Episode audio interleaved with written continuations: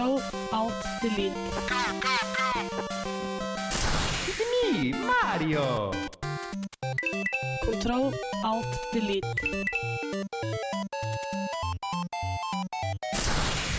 Unable to comply.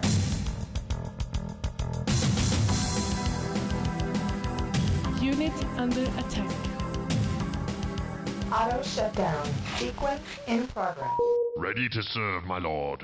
Hjertelig velkommen skal du være nok en gang til Kontroll alt delete her på Radio Revolt spillmagasinet for deg som eh, elsker alt som kan krype og gå innenfor dataspillenes magiske, fantastiske verden. Jens Erik Våler heter jeg, har et nesten fullstappa studio med radiojournalister som skal gi deg så mye innhold eh, som overhodet mulig om dataspill i løpet av den neste timen. Vi skal selvfølgelig også gi deg så mye vi kan av den desidert kuleste Radio Revolt-musikken. Aller først Keep Shelly in Athens, Fly Away.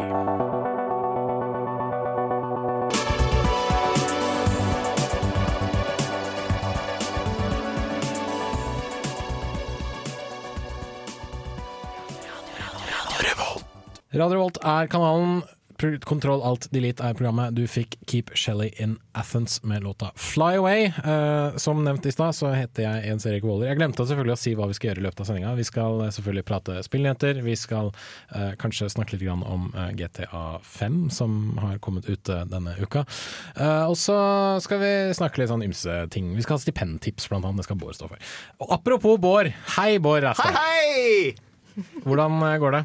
Vel, jeg har fått meg GT5, så livet kunne vært kjipere. Var det midnattslansering på deg, eller? eh? Ja, eh, det, var, det er det som er fint med å ta være ansatt på game.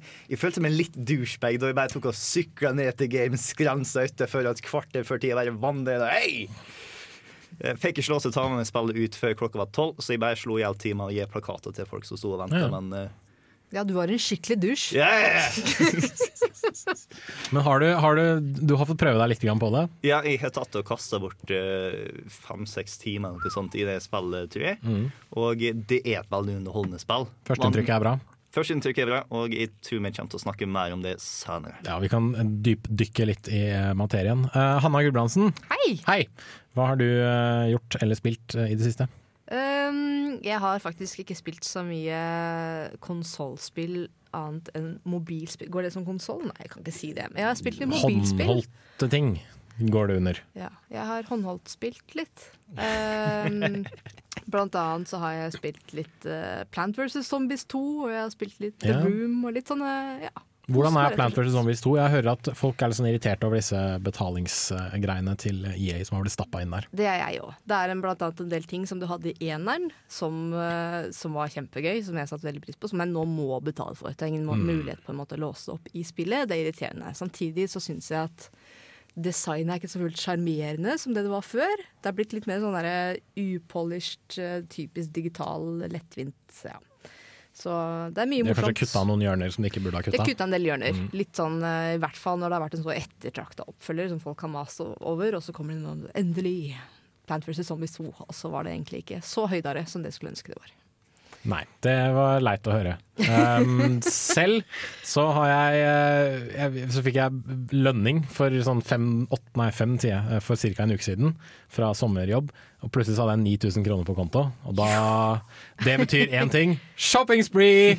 Uh, så jeg dro på uh, min lokale spillsjappe, kjøpte meg Disney Infinity til Wii U, Rayman Legends til Wii U og uh, The Wonderful 101 til Wii U, som jeg har sittet og kost meg med i løpet av de siste par eh, dagene. Nå er det noen her som ikke har skrudd av telefonen sin. Det Ikke at jeg det har noe med å gjøre med det, men hvor mye penger har du igjen på kontoen din nå? eh, jeg har lagt alt inn på sparekonto, da, så nå er liksom bare uh, Ja, s- stipendet igjen, eh, Sparing til senere spill. Ja. Uh, Rayman Legends, et nydelig spill, uh, på, og er absolutt å anbefale til alle som har en Wii U og tenker at jeg har ingenting å spille på Wii U. Det er herlig uten like. Virkelig.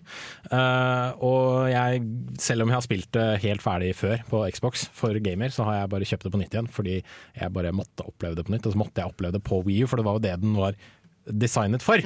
Så da tenkte jeg at dette må jeg bare prøve. Og så måtte jeg selvfølgelig prøve The Wonderful 101, fordi det er jo godeste Hideki Kamiya, fyren bak Resident Evil, bak Bionetta, bak masse sånne store crazy ting, uh, som gjør sin versjon av Power Rangers. Og som en sånn veldig nostalgisk fan av Power Rangers som jeg er, så må jeg selvfølgelig skaffe meg det også. Uh, Disney Infinity var bare sånn uh, Ja, hvorfor ikke? Kjør på. Glad i Power Disney. Rangers med Disney-figurer, rett og slett. Ja, altså må jeg jo teste det, tenker jeg da, fordi uh, jeg må se om Disney klarer å liksom, utfordre Skylanders-giganten, som heter Ja, ja, ja. Activision. Så det er det jeg har spilt. Uh, alle tre er egentlig å anbefale. Mest Rayman Legends, for så vidt. Uh, fordi det er bare så sinnssykt, sinnssykt morsomt. Rett og slett. Eh, vi eh, kan humpe videre, vi, og snakke om litt spillnyheter etter at vi har hørt litt mer musikk. Her får du Death by Unga Bunga, You're an Animal, på kontroll alt delete.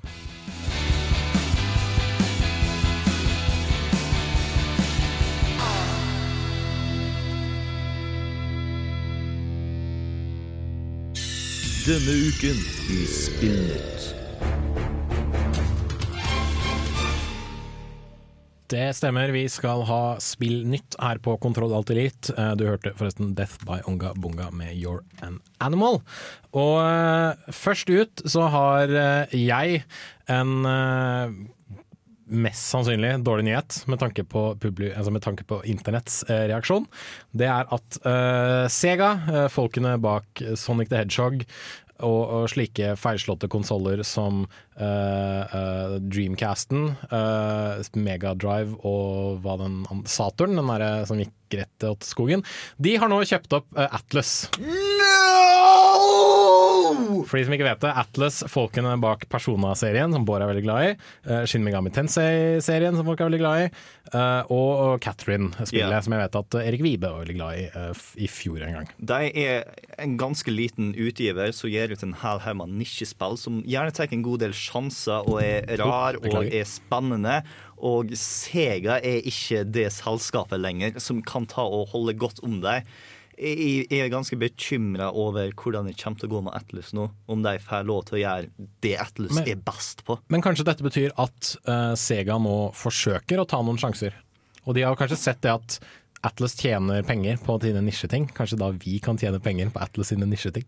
La oss håpe det, fordi at sånn Sega har vært de siste par åra, så har de lagt av en hel haug med folk. De har kun tatt og fokusert på sånn fem forskjellige franchiser. De har sånn Total War og Aliens og Sonic og sånn som det er Ja, vi vet hvordan det gikk med Aliens. Og eh, de har rett og slett ikke gjort noe særlig godt, bortsett fra å ta og hjelpe et par folk som var gode ifra før. Nei, Vi får uh, håpe at det går uh, greit, uh, i hvert fall. Men eh, jeg liker å være litt sånn positivt optimistisk, i hvert fall. For, for, håper på det beste, forventer det verste, som jeg pleier å si. Eh, fra Sega til Electronic Arts. De har slitt en liten stund og trengt en ny sjef etter at eh, godeste John Riccitello gikk av for ca. et halvt år siden. Eh, nå har de fått seg en ny sjef. Han heter Andrew Wilson. Hvis du ikke vet hvem det er, så er det han britiske fyren som snakket om EA Sports Ignite på Xbox One-annonseringen til Microsoft. Eh, Så nå er den tankegangen som detter inn i hodet mitt, som jeg er sikker på at sånn hele internettet har, er å shit, den delen av EA som tar og annualiser mest, skal nå ta over hele EA. ja, men altså, nå har jo EA gjort franchiser ut av det aller meste de har gitt ut i det siste. Det er sant nok, men fremdeles EA er faktisk ganske gode utgivere hvis du bare tar og gjeng et steg tilbake. Ja. Du har BioWare og du har Dead Space, selv om sistnevnte gikk ned Ja, etter hvert. The Sims! Ja, Det, det Sims, Sims, absolutt. The Sims. Sims 4 har blitt annonsert. Endelig igjen. ja.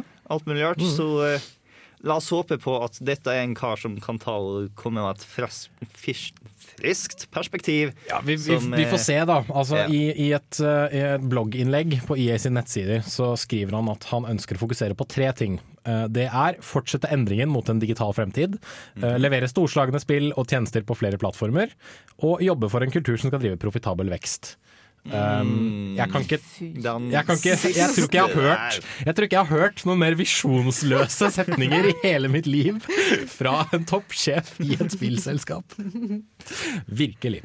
Uh, Hanna, har du en kort nyhet sånn på tampen av uh, ting, eller skal vi uh, Ja, gampe videre? Nei, jeg kan snakke om litt random, for det her tar ikke så lang tid. Diablo 3, Auction Houses. De legges ned. Hmm. Um, det var eh, bestemt, eller har vært snakk om lenge, at dette ikke har fungert som det har eh, skulle fungert. Mm. Uh, både med botter og økonomi som går litt sånn skeis, og at poenget med spillet blir borte, føler de da.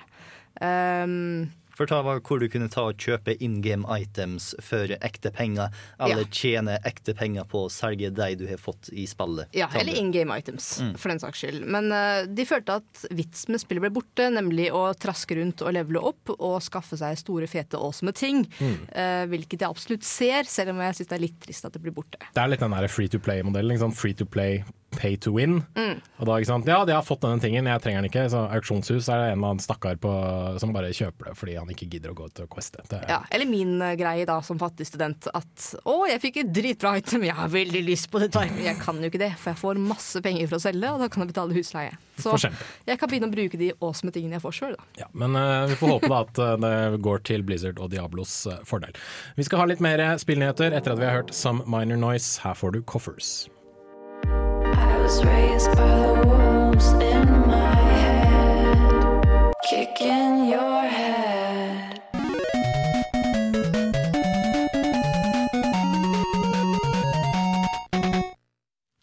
Programmet du hører på er fortsatt Kontroll Alt Delete. Eh, kanalen heter så mye som Radio Revolt, og vi skal snakke litt mer om eh, spillnyheter. Og eh, Hanna, det har krypet og gått eh, litt i Sony sin magiske, fantastiske verden. Ja. Ja. Ja. Play, Play- PlayStation. Det var vel egentlig jeg som hadde lest meg mest opp på dette. Oh, ja, ok, beklager. Ja. Da er det jo ute i Bård, jeg. Ja, se på Ja, Programlederen er dårlig forberedt, ass! Uh, Ja. Nei, for eh, det, det, dette var den største nyheten eh, forrige uke, hvor vi ikke har sending fordi at uh, 11. Because september, reasons. 11. september stemmer. We got respect. Ja, faen, det er sant. Yeah. Uh, men greia er at Sony kom ut med ikke bare én, men to nye Vita-maskiner. Eh, den kanskje minst overraskende er basically 2000-versjonen av Vitaen, fordi at eh, PSP-en gikk gjennom samme fasen hvor den kom ut litt feit og chubby, og så ble den tynnere og tynnere og sexyere og sexyere etter hvert. Og den nye Vitaen er sånn 15% mindre og litt lettere, og du kan ta og holde på med den en time lenger før den dør, og eh, har en mikro-USB-inngang, sånn at eh, du kan ta laden lade sånn som du gjør med mobilen din. Ja. Du kan kjøpe den i mange stygge farger. Ja. Den beste nyheten med den er at den har en intern eh, lagringsplass på 1 gigabyte. Fordi at eh, den gamle har ikke noe intern lagringsplass i hele tatt. Og da kjøpte du kun maskiner og et spill, og du kunne aldri lagre før du kjøpte ta overprisa minnekortet. Ja, for det er sånn egne Sony-minnekort du må kjøpe for å kunne spille spill på den. Nettopp. Yes. Den litt kjipere delen av det her nå er at eh, det går ned i kvalitet på skjermen. Ja. Eh, Det er en eller annen sånn teknisk forkortelse på den gamle som jeg ikke husker navnet på. men LED, det- kanskje? Nei, LED er det de har nå. Ah, ja. Eller LCD. En av det. Eh, men det er i hvert fall litt kjipere skjerm, men vi får se om det ikke holder seg likevel. Det gjør det helt sikkert. Uh, men altså, den andre Vita-tingen, Yes, uh, PlayStation uh, Vita Hva var den? Vita TV, Vita TV? Nei. Eh, uansett, det er en T-Vita, Den heter så mye som Nei, jeg husker ikke. T-Vita. eh, Det er i hvert fall Det står bare Vita TV. Ja. Jeg tror det bare er det. Det er en bitte liten maskin. Sånn seriously. Det er på størrelsen med en kortstokk eh, som du tar og kobler til TV-en din. Og med den så kan du ta og spille Vita-spill med hjelp av en DualShock 3-kontroller på TV-en din. Du bare tar og kjøper som om det var en vanlig Vita. Spiller det der. Du kan også ta og koble til Hulu og Netflix og Voodoo og alle disse forskjellige videotjenester. Så det er en stue-PC. Det er en Apple TV-ting ja, fra Sony, Det er en konkurrent mot det. Det er et alternativ til Vitaen for de som ikke liker å gå rundt med den.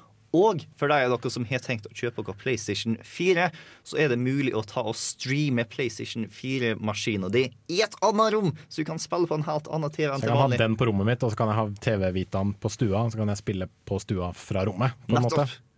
Ja, fordi, ja. Men da er jo spørsmålet Hvorfor gidde å kjøpe en Vita når du bare kan kjøpe den lille boksting-tingen. Selvfølgelig For jeg har jo en 3D, så jeg får mitt håndholdt-behov fra den. fordi at eh, du mista selvfølgelig eh, touchskjermen og både framme og bak der nå. Og så har han vel en sånn gyroskopisk duppeditt òg. Godt mulig. Jeg eh, har ikke en Vita. Vi får se eh, hva som blir plukka opp etter hvert, nå som jeg både kan ta og spille på TV-en og i en litt slimmere versjon. Men eh, eh, du får ikke 100 Vita når du tar og spiller på Vita TV. Kanskje det er her du får spille PlayStation 3-spill uh, gjennom Altså i, ja, på Nei, vent. Ja. Streaming sånn som jeg tenkte etter hvert. Yes, takk. Det skulle ikke overraske meg i hele tatt. For jeg tror at uh, Sony har lyst til at dette skal bli konkurrenten mot Apple TV. At Mm. de som ikke har lyst til å ta seg råd til en skikkelig maskin, kan heller ta og bruke tusenlappen, som er sannsynligvis det en kommer til å komme på, eh, i stedet for en fullverdig konsoll. Men DualShock 4 har jo en sånn touchpad. Det har den. Jeg får se hva det vil bety. Det blir spennende å se. PS Vita ny versjon kommer ut i oktober, mens eh, PS Vita TV kommer ut i november i Japan, Japan. begge to. Ja. Ikke blitt annonsert til utenfor Japan ennå, men time will show. Altså, jeg, kan ikke, jeg kan ikke se for meg at de ikke kommer til å annonsere det utenfor Japan på et eller annet tidspunkt. Altså, ja, det er et japansk firma, but still. Det må da, de vet at de har et marked i Europa, i hvert fall. Og i USA så har de sånn Roku-bokser og Redbox og boks i boks, og det er ikke måte på hva de har av bokser som står under TV-en sin. Så det her det skal nok forhåpentligvis gå greit i Europa også. Eh, vi skal ha en uh, enda runde med spillnyheter, fordi vi har lyst. Det har skjedd så utrolig mye i løpet av den forrige uka som vi ikke har fått, uh, fått med oss. Men vi må jo selvfølgelig spille litt musikk før vi gjør det. Her får du Invader Ace, High On Life.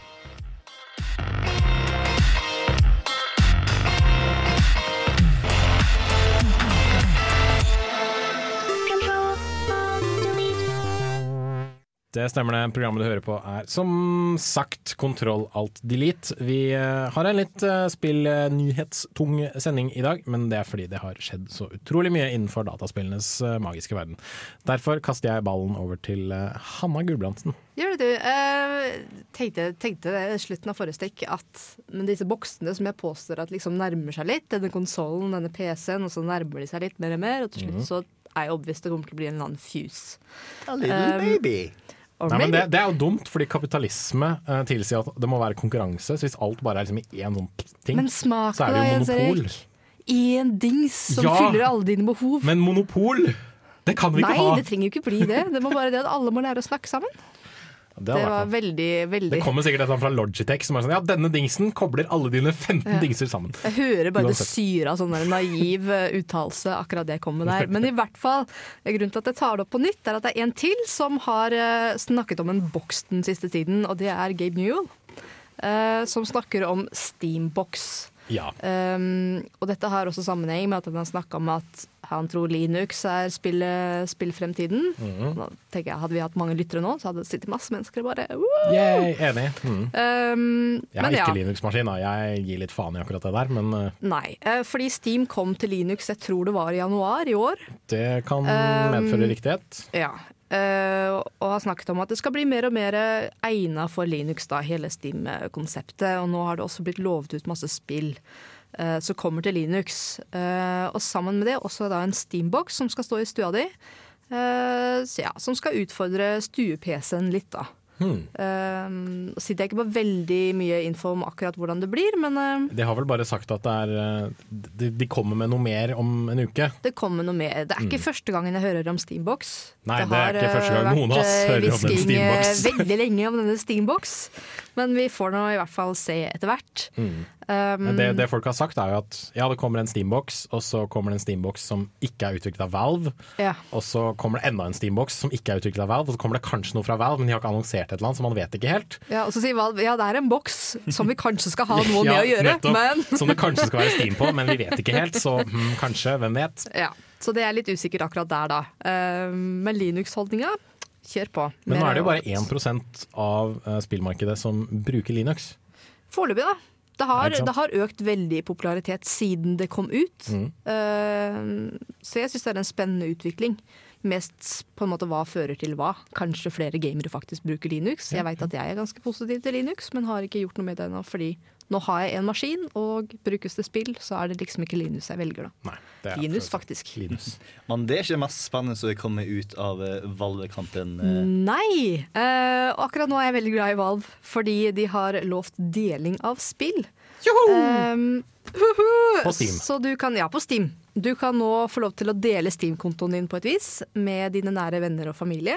Stilig. Um, litt den samme godkjenningsprosessen vi har allerede, med at du må godkjenne en ny maskin. Sant? Du får en mail, godkjenning, bla, bla, bla. Og så kan du få lov til å spille kontoen på en annen maskin. Uh, nå kan du også gjøre det med venner, uh, i en litt så spesiell venneform. Mm. Og da er det sånn at de kan bruke det uh, stort sett restriksjonsfritt, bortsett fra multiplayer. Ok. Um, så du kan få en god feeling liksom, på hva spillet går ut på. Og da er det sånn at Hvis du som eier av kontoen logger på kontoen mens noen andre bruker den, så får du en advarsel og noen minutter på å lagre og komme seg ut. Sammen med en pop-up-boks som sier at hvis du kjøper spillet her og nå, klikk på denne knappen, så kan du fortsette å spille akkurat der du er. På din egen maskin og på din egen konto. Veldig enkelt. Jeg elsker det. Det høres mistenkelig likt ut det Microsoft hadde planlagt med Xbox One. det gjør i grunnen det. Men fordi det er Valve, så tar jo alle og jubler deg høyt opp i sky. Det, det er liksom fordi at eh, det Xbox kom med, det var et alternativ vi ikke likte. Vi var vant til å ta og dele diskene våre, Mm. og de sa du får ikke lov til å dele disker lenger. Du må Mm. gjøre det på den nye måten her. Mens på Valve så vi har aldri tatt og delt diskene våre siden sa Ingen, koden kom ingen ut. deler PC-spill lenger. Nettopp. Mm. Så nå er det sånn Du kan gjøre noe du ikke har fått gjort før. Gratis! Og er Yes. good guys! Yes, det, har no, yes, det, er, det er hvordan det selges. Ja. Ja, det Rett og slett. Og hvilket konsept du blander deg inn i. Nettopp. Fordi her er det mye mer åpen og greie, og i hvert fall jeg har lånt bort Steam-kontoen min allerede. Jeg kjenner til det. Selvfølgelig kjenner Valg til at dette er et konsept, at folk Mhm. låner bort kontoene sine. La oss gjøre det så det gagner oss litt, men som folk kan finne seg i. Ja. Så gratulerer til markedsførerne hos uh, Valve for at de har klart å selge dette her på riktig måte. I motsetning til f.eks. Microsoft. Uh, vi eh, gamper videre, skal ha ukas spørsmål etter Elvis Costello og The Roots. What you gonna do about me? How you doing? This is uh, Sahara Drek, uh, StarCraft commentator. I have not talked to a woman in over a decade, and you are listening to Control Alt Delete. Det stemmer det. Du hører på Kontroll Alt Delete på Radio eh, Revolt. Vi er inne i den delen av sendingen vi noen gang kaller for uh, ukens spørsmål, eller ukas spørsmål, som uh, man sier på Østlandet. Fordi eh, derfor. Uh, burde egentlig hatt en jingle som sa det, men det hadde vi ikke. Fordi, Da, da, da, da, da. Because- Ukas spørsmål! Because reasons. Hey! Jeg aner ikke hva det skal bli spurt om. Jeg hørte noen sånne homorykter i løpet av eh, forrige låt, så jeg er litt sånn derre eh, jeg vet ikke, delvis nervøs. Skal du kanskje bare gi ordet over til meg, jeg For det her bare, du bare driter deg ut. Go, Hanna, go. Ja. Uh, egentlig, jeg har ikke formulert meg helt da, men jeg har hatt en teori en stund som jeg tenkte jeg skulle lufte litt. Eh, som jeg nevnte for Bård, og Bård var bare yeah. Han kalte det for gay gaydar, og det er vel egentlig litt close til hva jeg egentlig vil si. Fordi jeg har hatt en teori om at enkelte bad guys, eller good guys, sine motiver i spill kanskje ikke er hva de gir seg ut for å være. Ja. Eh, og jeg luftet en, da en teori om at Bowser, stakkar, uh, han mistenker jeg at egentlig bare er en litt misforstått homofil dinosaur. Hmm. for han stjeler gang på gang denne prinsessa. Eh, ikke vil det egentlig ha. Han gjør jo ikke noe med henne i det hele tatt. Så vidt vi vet. Eh, men ved å stjele denne prinsessa, så kommer jo Mario løpende hver gang. Så det er litt, litt sånn her, eh, delvis eh, masochistisk homofilt forhold han har til Mario. Ja, så Min idé er at det er egentlig Mario som er drømmeprinsen her i dette kapitlet. Og Bowser vil jo bare på en måte gjøre seg, eller komme litt nært inn på Mario. Ja, jo, jo. Det, det, det er litt av en tolkning. Eh, men det er jo noe de har, det er noe de har gjort narr av i liksom disse uh, RPG-spillene av Super Mario. Men da er jo Bowser bare ute etter uh, kakene som Peach baker. Ja, det kan Framfor jeg. å bare sånn få, noen, få noen etter han. Da. Kakemums, rett og slett. Ja. Det kan jo være litt sånn eh, puss i pose, holdt jeg på å si, eller sekk i Hva heter det for noen ting, da? Jeg Både i bag og pose, både i sekk Pose og sekk. pose og sekk. begge deler. Ja, vi har kaka si og spise Pus i pose, også. pose. Pus i pose. Herregud, Hanna. Er det? Litt av begge deler. Mitt Ja. spørsmål da er liksom Har dere, har dere noen andre som kan passe til teorien min? Ja, Vi har jo han derre han Kuja fra Final Fantasy 9. Han tror jeg er veldig homo. bare fordi han er eksepsjonelt femi. Ja, men det er selvfølgelig Men det er litt sånn kjedelig teori igjen, da, selvfølgelig. Ja, og det er jo noe som internett har sagt siden tidenes internettmorgen, holdt jeg på å si. Ja. Men eh, jeg vet ikke. Gandorf har jo eh, eh, Han er jo maktsyk. Han vil jo samle The Triforce. Det er derfor han kidnapper Selda. Mm. og vil prøve å drepe Link. Hmm, nei, jeg vet ikke. Det er strengt tatt noe jeg aldri har tenkt over. Nei, med mindre det det skurken fremstår som veldig homo. Ja. Så En karakter som kan tolkes som homo, er Link ifra Ocarina of Time. Ah, come on! Ja, ja, men, Nei, men se, da. Bare se på karen. Vel, bortsett fra det, Han blir kasta på madame. På et tidspunkt så blir han med uhell forlova. Han er en kysk helt. Og istedenfor å gi denne Ruton et kyss, så blir han Hun bare er en fisk! Nå syns jeg du bare ser bort fra det helt åpenbare her. Du har Selda, du har Saria, du har Ruto. Du, Saria er for gammel for han. What? Nei, Saria ser jeg ja, men Sa Saria ser ut som en liten jentunge! Og Og han blir jo 17 år i løpet av spillet. Oh, ja, sånn, That ja. ain't right, man. og, That ain't right. og Mellon er jo het. Ja, jo. Yeah. Det, yeah. Den, den skal jeg gi deg. Mm. Men, men han, han Jeg vet da faen, jeg. Han, hans hjerte tilhører prinsesse Selda. Men Det er min- min teori. teorien min er ikke at han er homofil. Teorien min er bare at han er ekstremt socially awkward. Det kan være. Han Fordi- sier jo ingenting. Ja, Han tør ikke å ta og være borti seg jenten for alt i verden. Og om dere husker slutten av andre dungeon, så kommer det en hel haug med Gorons og bare sånn La oss klemme det, Ja. Link! Ok, La meg påpeke. Gorons, uh, bare, bare overkropper, menn av stein, digre steinbrystvorter. Er det gærent, han, da? Ja. Det er gærent. og måten Link Og, og, ikke, og null kjennskap til egen styrke. Og Link reagerer selvfølgelig med å skrike la og løpe langt, langt vekk. Det Kanskje han ikke var klar for å komme til skapet ennå? Med nakne overkropper? Det kan ha vært Greia ekstremt er at han er en kar som ikke er tatt og passa inn siden han var født i en by full av sjuåringer. Og så plutselig ble han 17 og ikke vet hva faen han skal Nå- gjøre. nå Jeg støtter, jeg støtter socially awkward. Jeg støtter ikke homoryktene. Her får du Spider-God.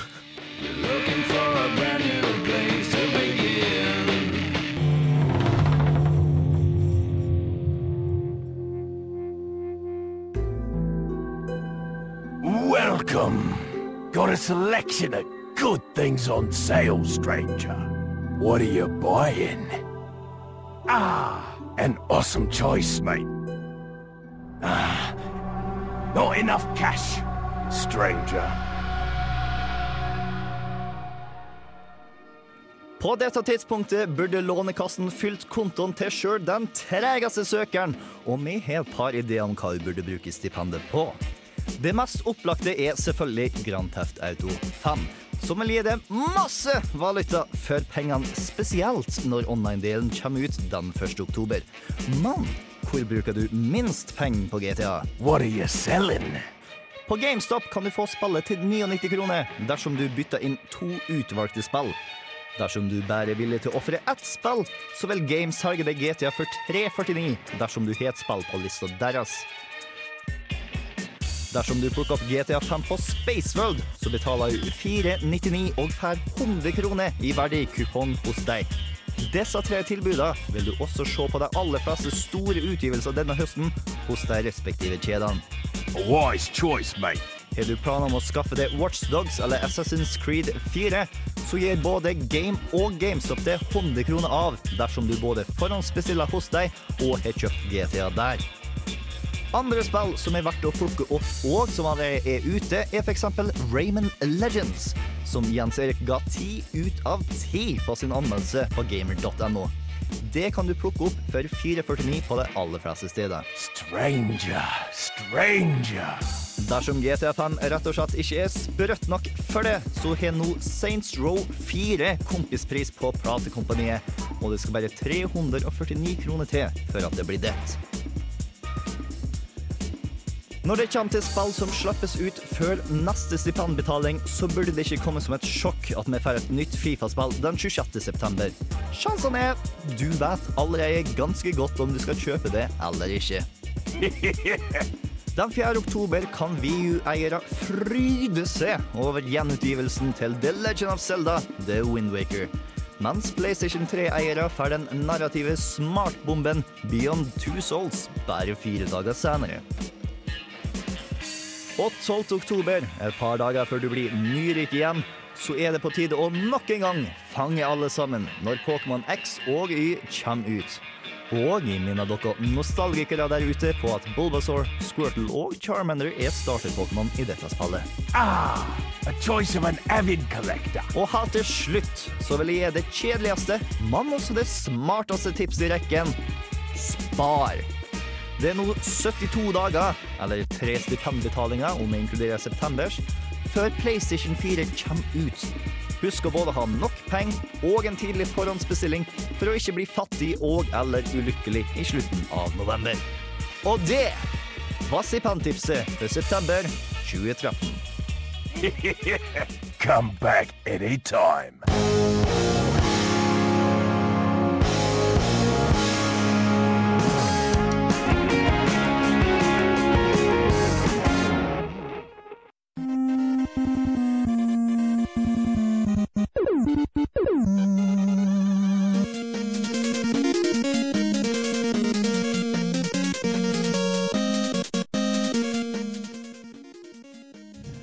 Der var uh, podkasten i gang inni teknikerromstudioet vårt på Lukas. Det var veldig, veldig uvant, uh, merker jeg. Der har jeg lyd i headsetet mitt. Jeg. Sånn, skrur jeg den der litt ned. Uh, velkommen skal du være til uh, den andre biten av Kontroll Alt Elite, nemlig det vi kaller podkast-timene. Uh, den biten der vi tar oss på beina, eh, setter oss ned, eh, lener oss tilbake og prate litt sånn ymse om hva pokker vi har lyst eh, til. Og i dag så har vi faktisk satt oss ned. Det, det har vi det har kanskje gått et par sekunder for du, kjære lytter, men for oss så har det gått sånn to-tre timer. og når vi kom tilbake til studio, så var det folk der nå. så Magien med radio, mine damer og herrer. Yes. Så nå sitter vi i det mindre studioet som jeg kaller teknikerrom, Mhm. med bokstavelig talt set. Vanligvis så stemmer Yes. Ja. Men vi tenkte at siden vi skal være litt avslappa og kule, så kan vi sitte i dag. Eh, stemmen dere hørte var selvfølgelig Bård uh, Ræstad. Han hørte dere i første timen også. Eh, dere hørte selvfølgelig også Hanna Gulbrandsen eh, forrige time. Du sitter litt sånn halvveis sånn awkward til, merker jeg. Du må liksom lene deg litt over. Superdigg, så det her blir en superdigg sending. Du tror det? ja. Hvem har glemt å skru av mobilen sin? eh? Er det han igjen? Eh, en person dere kanskje ikke hørte uh, i løpet av forrige, altså forrige time. Kanskje. jo- Kanskje. Mest sannsynlig. Vi håper ikke Med, at du dere hørte med mindre du hørte han i hodet ditt, men da bør du nok uh, oppsøke klinikk. Det var Erik Vibe. God dag. God dag, god dag. Det er veldig rart å snakke til deg og ikke kunne se på deg samtidig. Skal jeg se. Sånn, nei, ja, du må se den, mener du. Ja, God nå- dag. nå ser jeg på deg. Ja, nå ser jeg meg. Ja. Nei, hei. Hei. Hopp. Du har fått litt pappaperm, har jeg skjønt? Ja, Ja. litt. Uh, nå er jo faktisk den offisielle sånn statsgitte pappapermen min over. Uh, det var den på mandag. Uh, jeg har vært hjemme og for det meste skrudd IKEA-møbler. Da mine Har det gått greit? Ja. Jeg Mangler to skap, men ja. utover det, godt fornøyd. Mine søte små har begynt i barnehagen, så eh, den siste tida gikk med til å gjøre klar da min nyanskaffa leilighet. Det er mye som har skjedd i livet til Erik Vibe siden Ja, sist eh, Kontroll Elite-sending, som jeg tror faktisk var E3-sendinga. Det kan godt være at det var, ja. Ja, Uh, så Jeg Er ikke med i år. Hæ? Jeg er ikke med i semesteret. Nei, jeg tror ikke det. Men uh, da, da må jeg spørre, får du spilt noe da, Erik? Innimellom eh, snekringa av uh, IKEA-møbler. Jeg har jo sett deg litt på Steam, da. Det er Ja da. litt sånn der, Civilization 5 noen ganger. Ja, det er veldig mye Civilization 5. Eh, jeg har kommet tilbake til det stadiet som jeg var før ungene sov sånn ordentlig, og det var turbaserte spill. Fordi at da var det veldig kjekt å ha spill jeg kunne bare gå ifra, og så kom tilbake til. Eh, mens eh, nå har jeg fått et sånn oppheng på Civilization hvor jeg bare prøver å pushe og pushe vanskelighetsgraden min, og nå er jeg på hakket under eh, DT, Oi. som er det verste. Mm. Eh, og oppdager det at hvis jeg skal klare DT, så må jeg legge enda mer tid, og det tror ikke jeg orker. Så det har jeg spilt. Det går i turbaserte ting, rett og slett. Ja, men jeg plukka også opp et spill som uh, egentlig skulle jeg anmelde uh, til Kontrat Elite, men det ble litt knapt om tid, så jeg tenkte kanskje jeg skulle snakke om det nå isteden. Uh. Eh, veldig aktuelt. Uh, Saints Row eh, 4 stemmer nok, og dubstep dubstep-pistol, gun. eller gun, kanon. Hva annet har du da? Du kunne skyte rockets ut av en uh, kassegitar, sånn som i Desperados med Nice, Antonio nice, Banderas. nice. Jeg har også sett at det er en eh, pistol som, eller et våpen som blåser opp hodene til de du skyter. Ja, de den tror ikke jeg hadde fått ennå, men jeg hadde fått abduction gun. Eh, Du skyter mer eller mindre et felt på bakken, så kommer det noe og tar fiendene dine. Har du fått sorte hull-geværet? Ja, Ja. Det, eller jeg har i hvert fall leka med meg. Ja, det har jeg fått. Mm. Eh, ikke så bra som man skulle ha trodd, faktisk. Jeg liker dubstep-gunnen min ja. bedre. Fullt maksa ut, så hører du Altså, det som er festlig, er jo at det spillet her er jo ikke seriøst overhodet. Men uh, altså, jeg, jeg, jeg hadde ikke spilt en eneste Saints Row før det her. Men de tar og flasher ut karakterene sine skikkelig godt. Altså, du får liksom masse sånne pokes tilbake til tidligere spill, og de prøver liksom å være seriøse med eller personene i spillet. da. Selv om spillet er så upp... Altså, det, det er ikke seriøst i det hele tatt.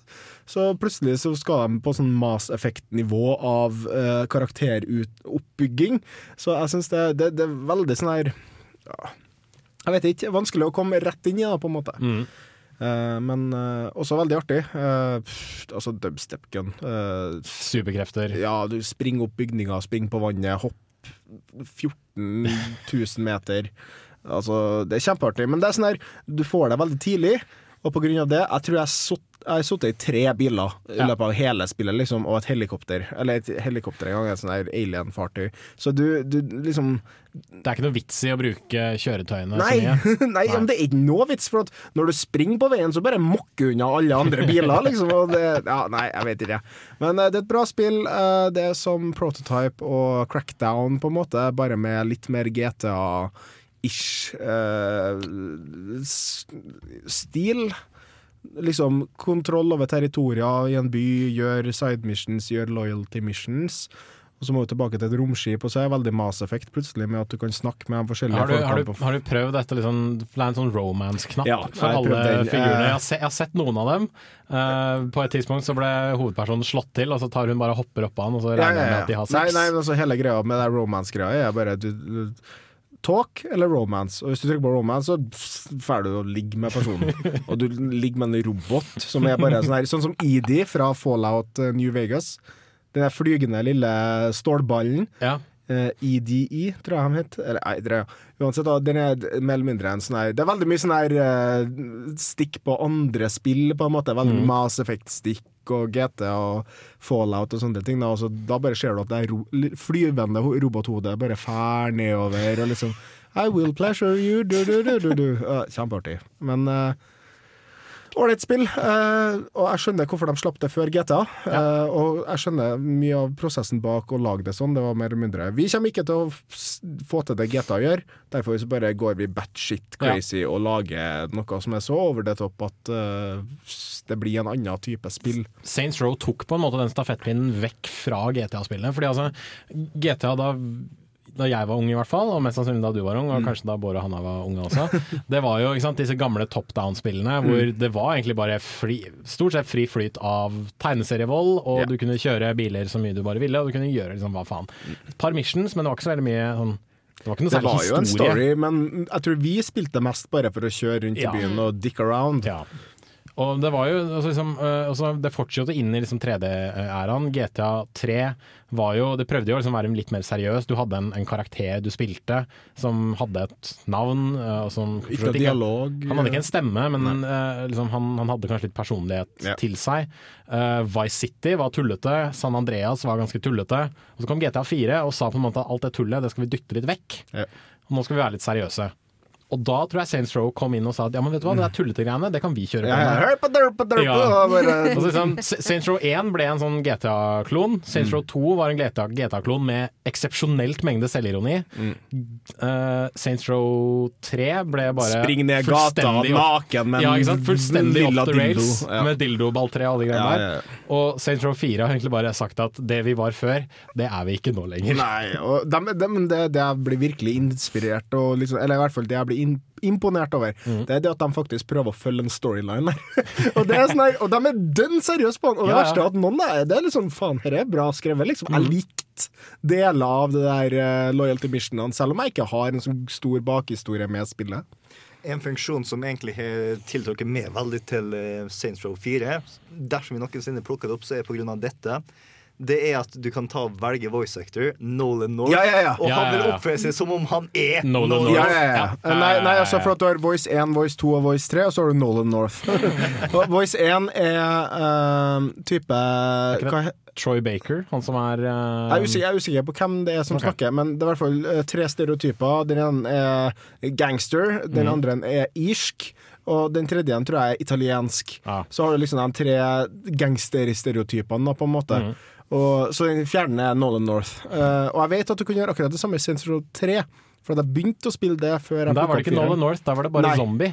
Ja, det kan stemme. Det hadde en zombie-voice, og det var egentlig bare Ja. Mm. Sånn. Ja. Kjempemorsomt. Men Nolan North var en av stemmene til hovedpersonen i Saints Row 4, nei 3, tror jeg. Bare ikke, Ja, ikke sånn som Mm. North. Liksom. Og så det verste, eh, jeg satt også Jeg hørte på en eh, ja, en annen podkastsending, og det er så mange kjente stemmer som er med i uh, som du ikke legger merke til. Neil Patrick Harris, for eksempel. Yes. Samtlige andre òg, som er bare sånn her What? Dette er faktisk folk jeg vet om. Mm. Uh, fordi at de har vært med hele serien, da, og mer eller mindre føler seg bundet til å fullføre hele serien.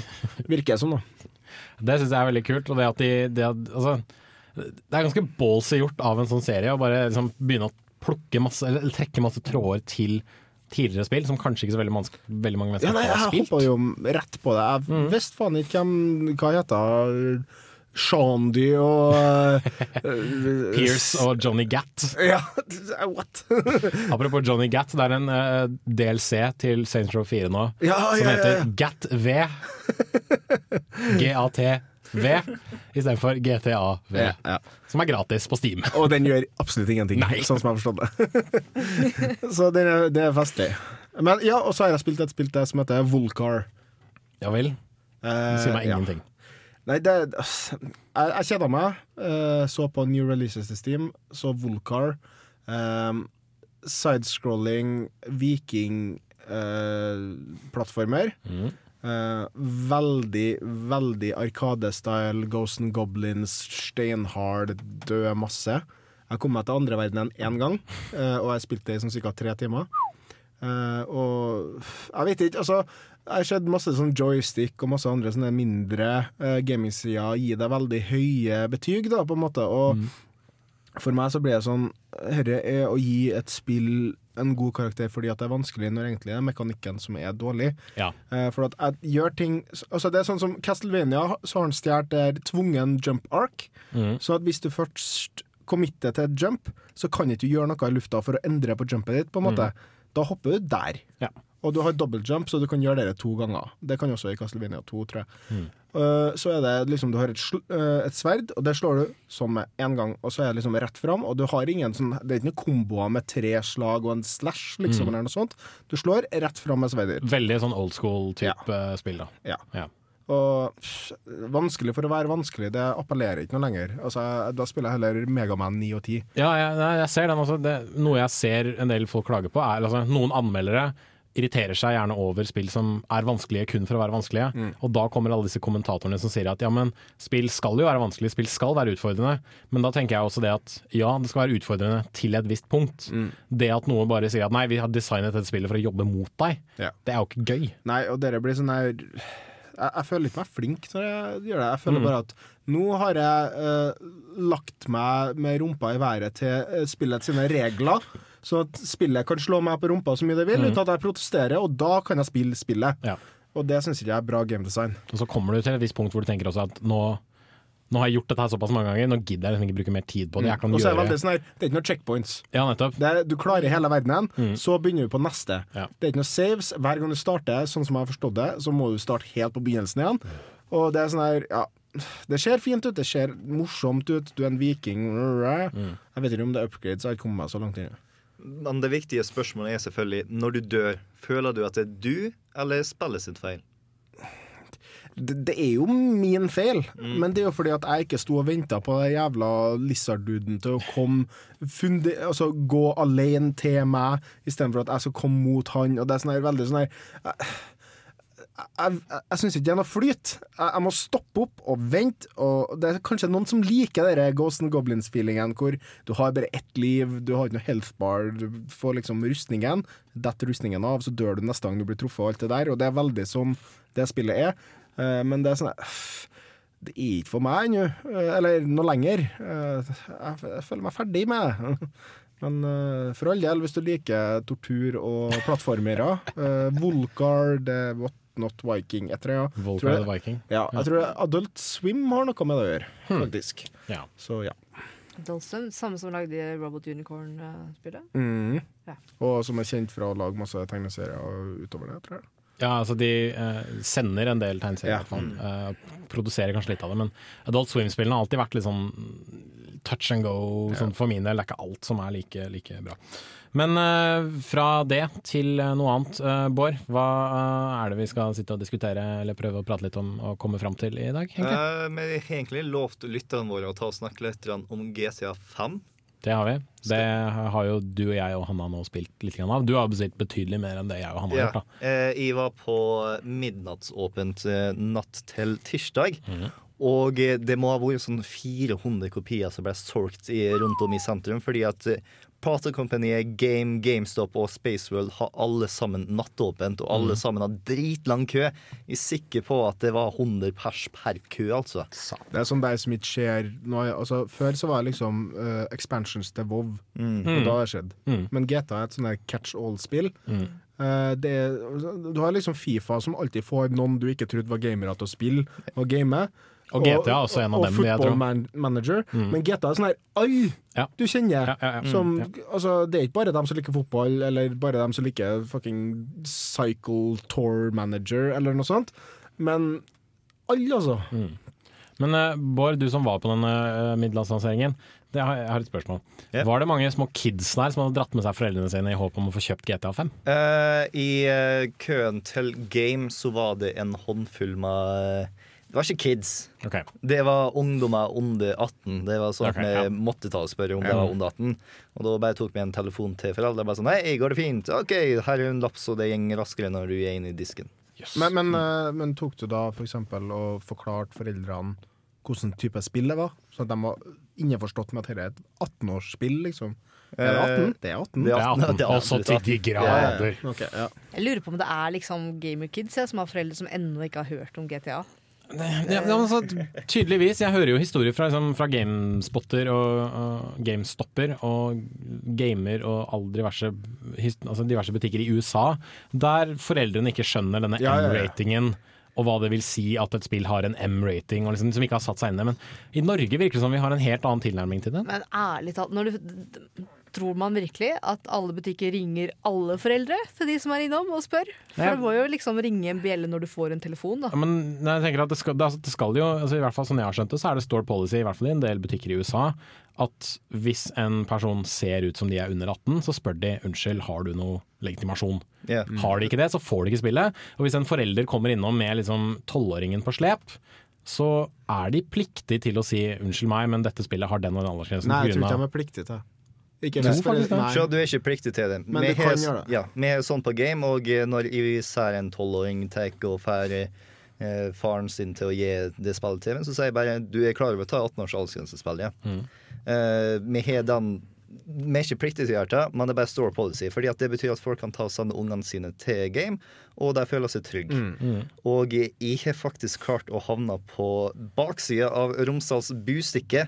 Fordi at jeg tok og solgte spill til noen som eh, var for ung ifølge mora. Eh, det var noen unger på sånn 12 og 10 år som tok og kjøpte seg Smackdown versus Raw på Nintendo DS. Ja, men det er da Ja, På 16 års aldersgrense! Og det ah, at Jeg kan ikke tro at de lot ungene mine ta og gå alene inn på game og kjøpe det. Hvorfor passer jeg ikke på? Dersom du eh, kjøper det Smackdown versus Raw, så er det fordi at du er interessert i wrestling. Og gjett hva?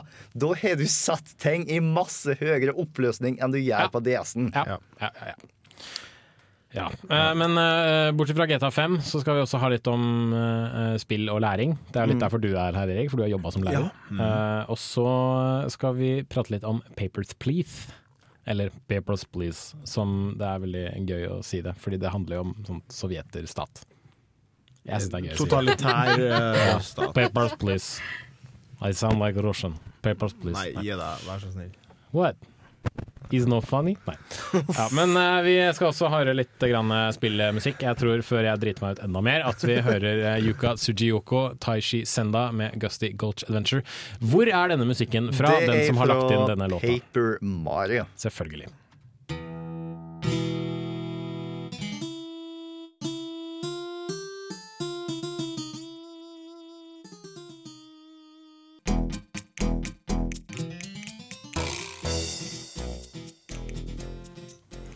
Gusty Gulch Adventure hentet fra Paper Mario eller Super Paper Mario?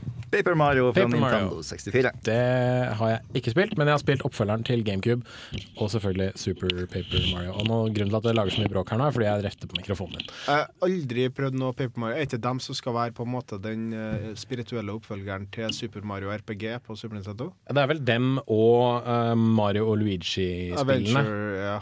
Ja, Mm. som er, altså, begge to er på en måte sånn spirituelle oppfølgere til akkurat det. Da. Ja. Uh, men eh, Paper Mario-spillene er uh, å for så vidt anbefale. Super Paper Mario Mm. til Nintendo Wii.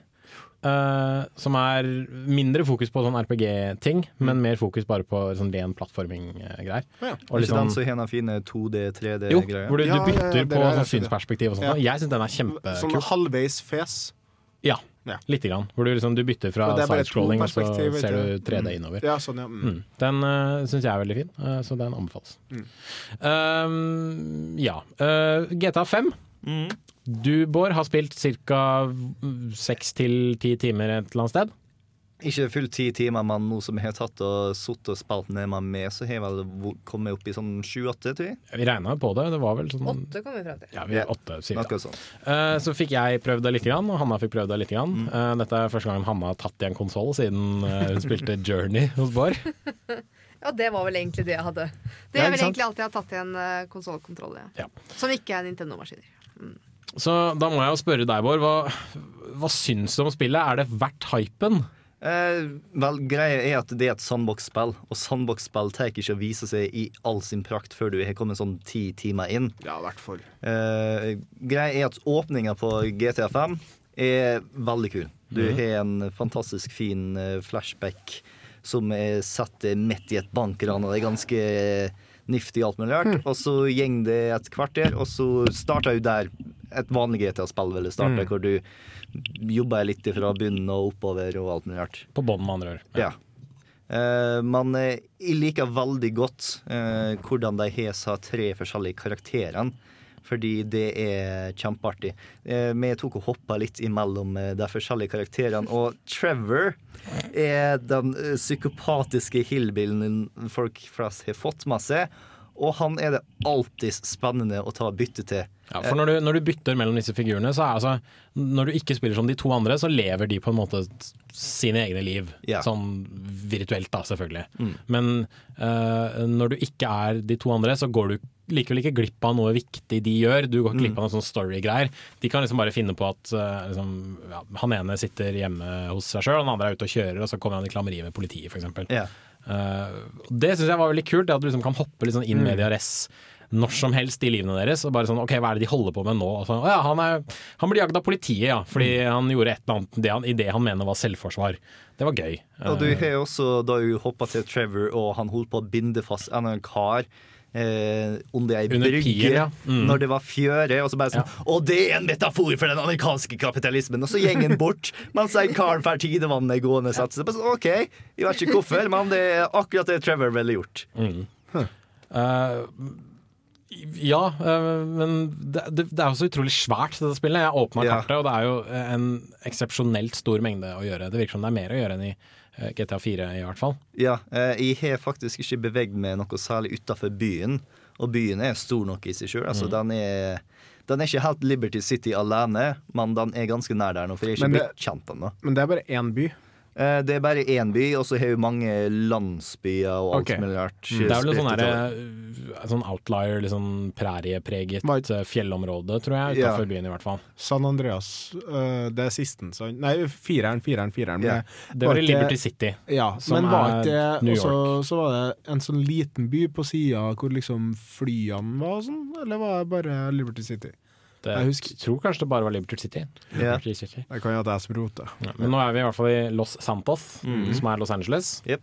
Um, Og så er San Andreas staten, som er alt omhenget. ja, Uh, oppkalt etter San Andreas-området som Los Angeles ligger i, i virkeligheten. virkeligheten. Mm. Um, og hvor mye er det du egentlig har altså, Du har stort sett primært fokusert på sånn main story-ting. Ja, jeg er av den typen som faktisk virkelig liker missions i eh, GTA. Jeg er ikke den som tar og gjør crazy stuff med det første. Jeg regner med at etter hvert som jeg begynner å bli litt lei av Historie så er jeg bare sånn Oh shit, hva, hva kan jeg gjøre i ørken, for jeg har ikke vært i ørken ennå. Og oh, la oss ta og prøve å fly litt. Men akkurat nå så er det historie, og det er veldig gode missions. Ja. Det er heldigvis ikke like masse av noe Ta og kjære meg en kar i fem minutter, og så Ja. tar du plukk opp noe, og så kjærer du tilbake. Ja. Det er selvfølgelig en del kjæring, men ikke i nærheten av like masse som det var Det skal jo være kjøring. Ja, ja. Sant? Jeg, trodde, jeg gikk jo inn i Central i håp om at kanskje det var noe kjøring, for at jeg syns det er helt greit å bare dra og kjøre rundt i trafikken i Mm. sånne spill. Eh, For at jeg liker egentlig ikke bilspill.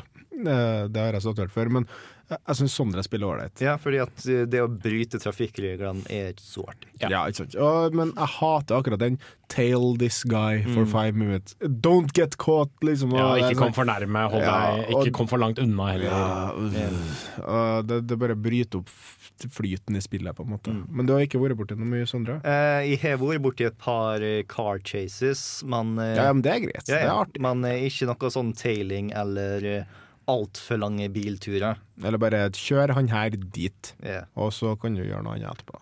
Eh, Det har vært noe sånt, men ikke i lang tid. Det er ikke okay. sånn at de har vært sånn Oh shit, hvorfor kjører jeg fremdeles denne karen her? Mm. Men er, Eh, ja, nei, fortsett. Men eh, det kuleste jeg har vært borti, det er heist. Bankran. Ja. Mm. Eh, Eller ran, da. Jeg tok og rante en eh, gullsmed, og det var ganske artig. Eh, Hanna tok også og spalte det samme missionet, men Mm.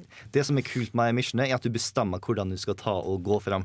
Jeg bestemte meg å gå fram eh, smart, og eh, Hanna bestemte seg for å gå fram hardt. Loudly. Yes, Noe som betyr at eh, jeg tok og kasta en hæl med sovegass i luftanlegget, så alle vaktene og kundene og butikkansatte sovna. Og så gikk jeg inn utkledd som eh, insektforpestere med gassmaske på. Bare tok med meg alt eh, ut, og så unnslapp jeg på motorsykkel. Det som var litt kjipt, er at eh, i starten så tar du og ansetter folk. Og eh, du kan ta og ansette folk som har veldig masse peiling, og de vil ta en eh, god del av prosenten din. Eller du kan ta folk med mindre peiling, og de vil ta mindre prosent. Men de kan fucke opp. Av utbytte, da. Ja. Eh, Så eh, jeg tenkte jeg skal ikke ta og skyte noe. Derfor så trenger jeg ikke å bruke noe særlig penger på gunman. Og valgte den billigste, og han klarte å drite på draget, krasje motorsykkelen sin, og kosta meg 1,5 million dollar.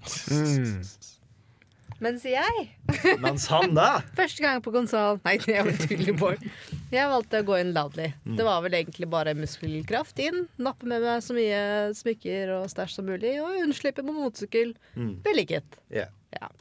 Så Enkelt og greit. Men det var det jeg skulle si, at det er jo kult når man kan begynne å planlegge hvordan Mm. du vil gjøre ting. For da kan du også velge litt av spillestilen din i hvordan du velger å gå fram. Da. Mm. Og det har jo ikke GTA hatt noe mye av, egentlig. Nei. Og litt sånn som uh, missionet som Jens Erik begynte på idet vi dro. Han angra litt etterpå, for han måtte kjøre en evighet med ubåt. Men, uh... Det var overraskende klum, klumsete og kjipt. men det er mye kul uh, Veldig polisha. Jeg liker jo inntrykket grafisk på spill. Godt. Og jeg må si det her er imponerende. Sømløst. Ekstremt mye som går sømløst. Mm. Sånn det, er, som altså, det er litt mye loading-tider sånn Det er en god del loading-tid, men jeg tenker på sømmene mellom fra du trykker på knappen og faktisk action gjør. Fordi i veldig mange spill så ser du at den bare tikker litt til siden for å posisjonere Mm. seg rett, sånn Ja. at animasjonen skal gå riktig og sånn. Det er det ikke her når du begynner å krabbe opp stiger. Mm. Så begynner du å krabbe opp sidelengs, liksom, og det går helt greit. Du ser ikke noen sånne store Bare Ja. floater du foran stigen, på en måte. Nei, du floater ikke foran stigen. Du tar rett og slett et skjevt steg opp på stigen, Ja, og så fortsetter du å gå. Så det er veldig sånt har jeg et øye for, eller sånne type detaljer, og det er knallbra så langt. Mm. Det føles litt som om det her er en slags sånn altså, Dette spillet og en del andre spill som for så vidt kommer i starten av 2014. Det blir litt sånn her svanesang Mm. for den nåværende konsollgenerasjonen. Oh, hva var det forrige som kom hver før sommeren? Det var et eller annet spill før sommeren som var sånn åh. Ja, Bioshock? Bioshock. Bioshock Infinite? Ja. Bioshock Infinite. Ja. Jeg syns, Det det, det var helt greit, jeg. Men, ja, nei, du er, du er sant. Altså, det var litt sånn der uh, jerk-off-greie. det var folk som var oh, Game of the Year. Ja, ikke sant? Ikke sant? Nei, det- Og så kommer Batman. Det gjør det. Uh, Castlevania Lords of Shadow 2 Åh. kommer. Det har jeg kikka på på Gamescom. Det må jeg lekkert ut. komme tilbake for å anmelde, for jeg anmeldte jo eneren, faktisk. Det er sant. Det jeg Eller ikke eneren, men uh, den der andre. Ja. Mm. Men også, faen, hva var jeg så her forleden, da? Oh, Så er det jo Beyond the Two ut. Souls til PlayStation 3. Uh, Watchdogs. Nei, det var ikke det. Nei, ingen Ja, av det er- det kommer jo på neste E3-titlene. generasjon Det er også. noe sånn her veldig Jeg tror det var gamer.no som hadde en artikkel om, om det. En sånn der uh, sniktitt eller noe sånt, eller så var det Pressfire, jeg husker ikke. En sånn japansk-inspirert greie, det som er- JRPG-opplegg. Er det, det som er med hånd? Ja, kanskje var det. Ja, det er fra Ubisoft, kanskje. ja Kan det stemme? Ja, nei, men uh, vi, vi, vi finner jo ut det. Men uh, det er jeg litt på Parts of. Valor. Kanskje. Ja, ja, Den det- skal snakk- foregå i sånn første verdenskrig. eller. Snakk dere mens jeg sjekker opp Ja, eh, det jeg er litt spent på, det er om eh, du får det samme forholdet til uh, søskenbarna dine i GTA uh, 5 som du gjør i 4. Søskenbarn? Hello, Nico. Wanna Altså, go look at big American titties? Ja, ja, nei, for alle tre karakterene har liksom sine vennekretser. Ja, ja, ja. Du har Michael, som er en helt elendig far og ektemann, egentlig. Som har en helt for jævlig familie.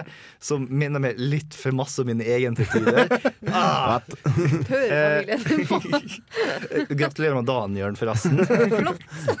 eh, og eh, Franklin ah, Jeg liker ikke egentlig eh, vennegjengen til Franklin, fordi at det er sånn ordentlig ghetto-folk. Du har Lamar De sier N-ordet veldig ofte. Ja, det, det, det Du, sånn Louis C.K. har en ting på N-ordet.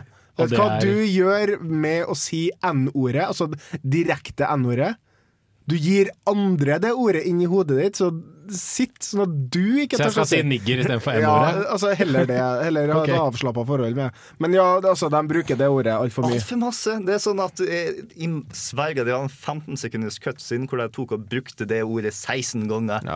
Jesus Christ. Uh, og så bor man en sånn helt forferdelig tante som er sånn ekstremt feminist Mm. av eh, den ikke-morsomme typen. så han er nesten ikke noe lik han eh, gangsteren fra San Andreas, på en måte. Uh, han er litt lik han. Det er bare det at folka rundt den er ikke spesielt hyggelig. Nei, for det var veldig sånn thug life med altså, Alt var veldig Hva skal jeg si Det var veldig gangster for si tid, da. Eh, Veldig sånn blood og cribs og masse gangslåssing. Nei, han og- Franklin prøver å komme seg litt ut av det her nå. Oh, ja, okay. Og derfor Nei. så henger han mer med Michael. Ja, for jeg, Nå husket jeg hva han fra San Andreas het, men han, CJ. han, CJ, hans mål var jo å bli på toppen av hele yeah. sulamitten, egentlig. Eh, ja, Men- interessant. Eh, Mm, men Franklin har lyst til å bli rik, men han har ikke lyst på eh, gangbanging. Og så er jo til slutt Trevor, som har han er en for jævlig person å være rundt, så derfor så har jo liksom de svakeste svake rundt. Det er sånn folk som er ekstremt tilbakestående, som ikke tør å gjøre noe annet enn å være med han, fordi at de vet at hvis de prøver å rømme fra han, så kommer han bare og banker livskiten ut av det. Eh, Trevor minner meg veldig masse om jokeren, fordi at han er av den typen hvor han kan gjøre noe så crazy Litt sånn som han, helst. og bare, eh, Han er Sunny, eh, Always Sunny in Philadelphia. Ja, han, han føler eh, Trevor I'm the wild card! Trevor We don't need a wild card! Yeah. you never need a wild card! Trevor og vennekretsen hans, liksom designet til deg er veldig Sunny in Philadelphia. Det er sånn av den motbydelige typen hvor det er sånn ah, ah, ah, ah. Nå, nå kan jeg ikke si så veldig mye om, uh, om dette stemmer eller ikke, for jeg har jo eh, ikke spilt så veldig mye av spillet. Men uh, det var en uh, manusforfatter, sier jeg, en spillanmelder, som skrev på Twitter at Franklin og Michael er typiske GTA-protagonister, altså hovedpersoner, mens Trevor er mer en slags kommentar på eh, spilleren selv, Mm. som bare Mm. vil liksom være litt anarkistisk, løpe rundt og uh, quote unquote fuck shit up. Ja. eh, når jeg trekker og spiller Trevor, så føles det masse mer naturlig å bare ta og kjære på fortauet enn når jeg spiller de to andre, for Ja. å si det sånn. Hva var uh, han escapist-journalisten som kom med et utsagn om GTA 5 som ble veldig kontroversielt her Nei, jeg kommer ikke på det. Vi kan Nå sikkert nylig, tenker du tilbake. på? Ja, nå veldig nylig, i henhold til anmelding av spillet. Det, altså, han, eh, altså anmeldelsen på Escapist sa jo rett og slett at du spiller som forferdelige mennesker. Ja. Og hvis du, liksom ikke, hvis du ikke kommer deg forbi dette, så vil du liksom ikke like spillet. Mm. Så det var det han dømte nedenom hjem. Det har vært litt sånn opp og ned om liksom, kritikken til spillet. Noen har liksom bare gitt det straighte tiere og femmere. Ja, det, det er jo, det I liksom. Norge tror jeg det er ikke altså, Ja. Av de store anmelderne så er det ingen som har gitt det noe annet enn perfekt score. ennå. Eh, mens eh, en del andre steder så er det folk som, som klager over det de mener er liksom et veldig dårlig kvinnesyn, liksom litt kvinnehat. De mener det er veldig mye rasisme Mm. i spillet. Er liksom, men jeg føler at det kommer en del Det kommer litt ned til tolkning da, om, av innholdet. Liksom at det en mann, en person ser på som rasistisk kvinnefiendtlig, det ser en annen på som eller sånn satirisk, ironisk, whatever. Sånn Inntrykket jeg har av folk fra GTA 5 er litt det samme inntrykket som jeg har fra folk fra Seinfeld.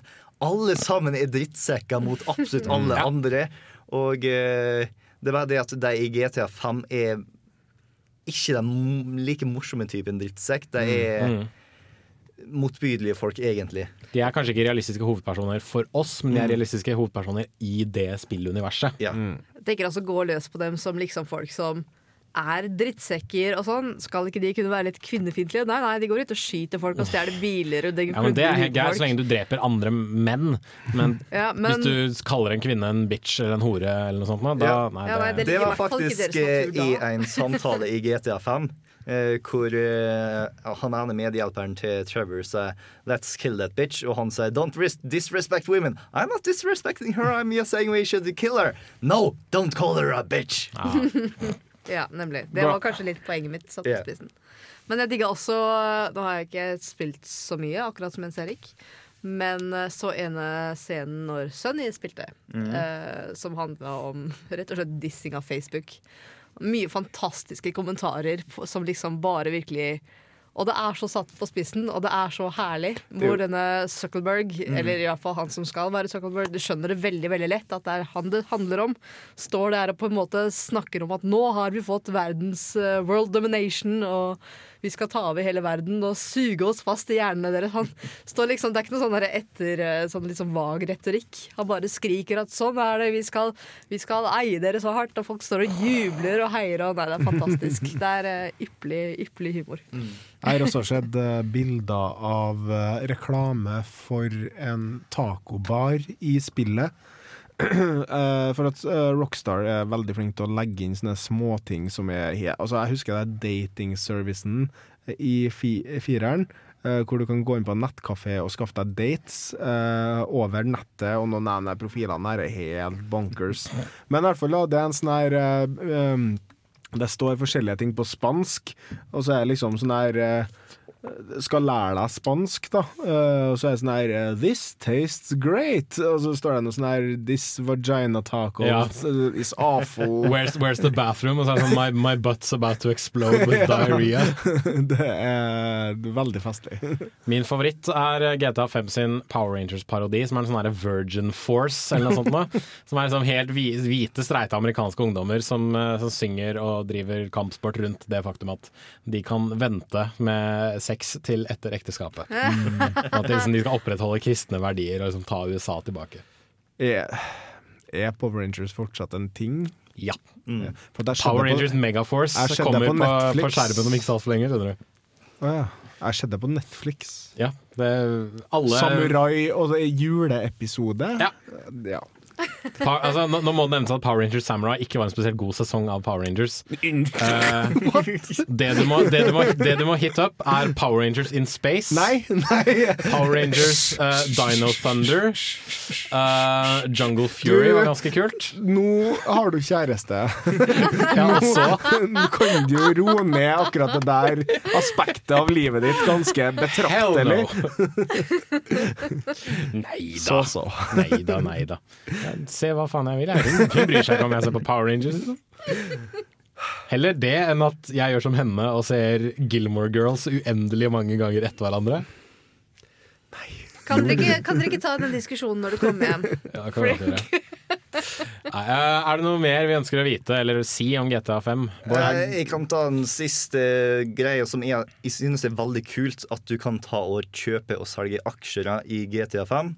Og eh, hvis du er veldig smart, så kjøper du opp aksjer eh, rett før du gjør et mission som kommer til å ødelegge kraftig for konkurrenten. Ja, ja, ja, Og tjener tjene sjukt masse. Men det, det Jones in the Fast Lane har jo sånn cirka samme greia eh, på en eller annen måte, hvor du kan jeg husker ikke, eh, Du kan influensere hvilke aksjer du kjøper i spillet. på en måte da. Eh, Veldig artig. Eh, Det er et eldgammelt spill som jeg tror kanskje Jeg fem stykker har spilt. Ja, Ja, det er veldig mange spilte fra den generasjonen. Tre av fire i dette studioet har spilt Jones Nei, nei, men altså, det, det, det er en sånn generasjonsspill som veldig mange spilte på akkurat det tidspunktet hvor jeg begynte å holde på med PC-gaming. Eh, men i hvert fall eh, Det jeg vil da si om GTA, ja, i og med at vi kommer inn eh, på litt pedagogikk, og da eh, hva folk lærer av spill Kjæring i GTA er så mye Hæ? Ja. Eh, nei, men det jeg lurer på er hva syns dere er en grei alder for et barn å spille, altså en som er under 18 å spille spillet her på? For at, er det, trengs det 18-årsgrense? Uh, for hele spillet. Greia er at eh, jeg husker da søstera mi var sånn ti år, eller noe sånt som det er nå. Eh, så sa jeg du får lov til å spille GT, men du må følge trafikkreglene. Du får ikke lov til å kjøre på noe.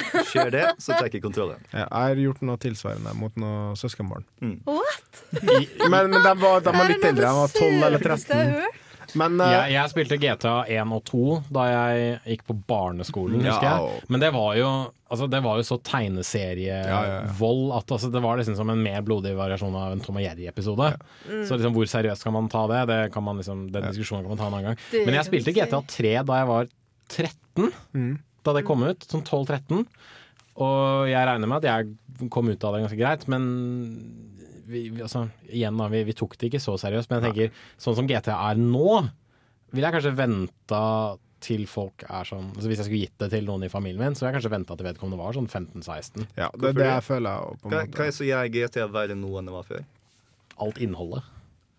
Eh, eh, sånn- Ikke, altså, ikke det at jeg er så bekymra for at noen på 14 ser en pupp, liksom. Mm. Men uh, jeg vet ikke, jeg føler at det er Det er en del sånn subtili, ikke subtilitet, holdt jeg på å si, men en del av altså, glori- glori- Kompleksiteten, vil jeg si. er Glorifisering av kriminalitet er jo det som er problemet med spillet, på en måte med å gi det til noen som kanskje ikke har helt forstått uh, samfunnets regler ennå, da, og kanskje synes at det er kult at det finnes folk på ja, der de bor som faktisk stjeler bilstereoer, og kanskje at uh, hvis de finner ut at Ei, han der stjeler bilstereoer, hvis jeg blir sammen med han, eller er sammen med han, så kanskje jeg å lære det, og da blir jeg mer og mer lik han i GTA. Og det er en enkel måte å tjene seg penger på, og bli sterk og stor og kjempekul. Og så er det denne torturscenen som jeg hører så mye om i spillet. som ja, jeg det tenker vet jeg at, eh. Visstnok er veldig syns- sjokkerende og jævlig. Ja. Jeg syns på et vis 18 er riktig, mest fordi eh, det er det her med å ta med seg mor og far for å kjøpe spilletingen, som er litt sånn OK, da er det kanskje opp til mor og far da, å bedømme om barnet har på en måte uh, et sunt forhold til den typen ting eller Mm. ikke. Mm. Eh, ville, ville det vært i et åpenbart perfekt samfunn at foreldrene fulgte litt med på sånne ting. Men, Ja. men det har vært litt av poenget mitt hele tiden. At det kanskje er viktigere og viktigere for foreldre å faktisk følge med på spill. Mm, og sette seg litt inn, mer Ser nå bare på der massakrene på Mm. i der naval-greia Yes. i Washington. Nå begynner de å skylde på Call of Duty igjen. Ja. eh, Fox News har gjort det allerede, og det har vært på forsida av i hvert fall ei avis. Jeg har sett eh, Is it bl time to blame video games, eller et eller annet sånt der. Og is it, uh, Are we blaming Call of Duty? Is Call of Duty Ja. Ja. Og altså, det er mange som sier det om den sittende regjeringa på Stortinget nå. Jeg vet Piratpartiet var veldig for uh, akkurat det at uh, Folk må vite at dem som sitter og bestemmer ting om internett akkurat nå, og sånne ting, er folk som ikke var med på å lage internett til det det er, eller spille spillene og holde på med det. Så derfor så er det et generasjonsskifte, noe som må skje, Ja. hva eh, sånn kultur angår. Folk som har lite peil, generelt sett. Men, men, men det er nettopp det. Fordi det er mor og far som føler jeg vet best. Mm. Når deres barn blir modne nok for sånne ting, for det er så forskjellig fra Ja. person til person. Da. Mm. Men fra det til eh, litt uh, hva Musikk. Der var den. Litt musikk, ja. Feil spak. Ja. Uh, og ikke minst til hva spill kan eh, lære oss. Uh, så tenker jeg vi hører litt musikk før vi tar den diskusjonen. Her får du Guardian Theme fra Rift.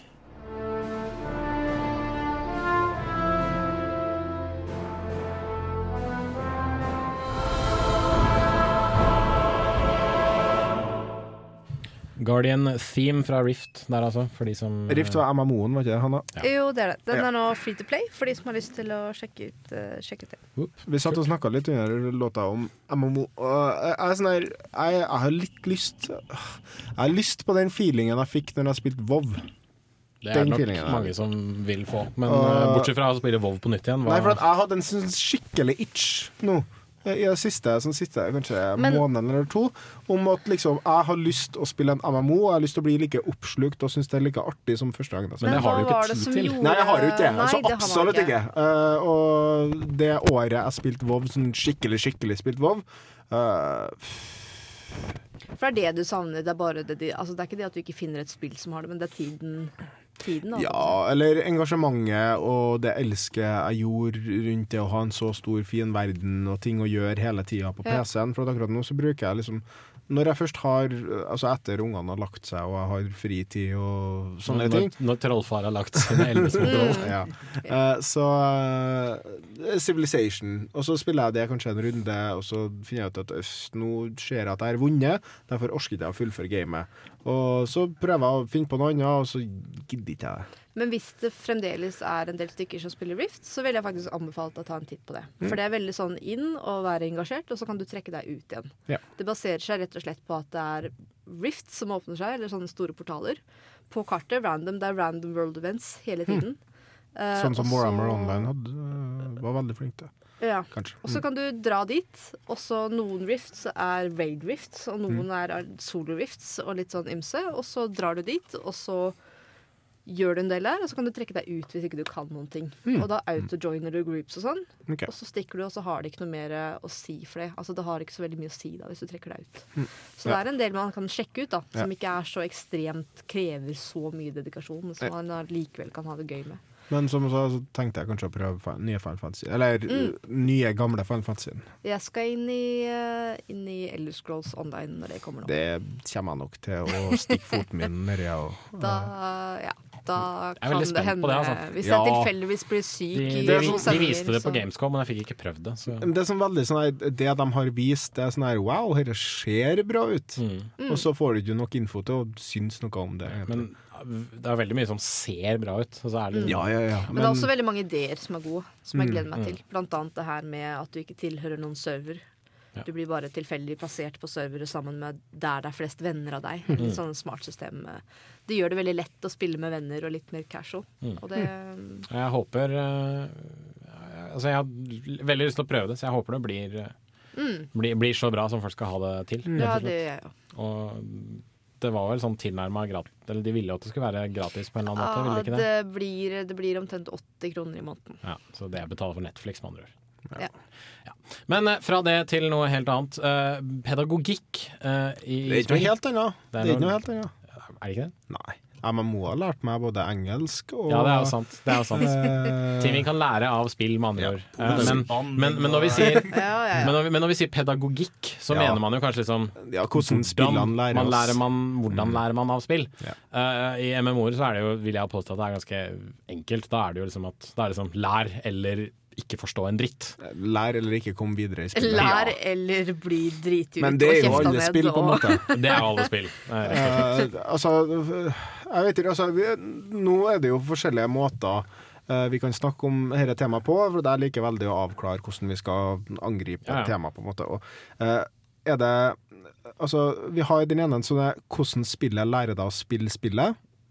Som er veldig sånn uh, altså, Eagle Raptor var med på Psycholitis med Megaman Mm. X. Her er en veldig fin måte spillet lærer å spille spillet. Og Absolutt.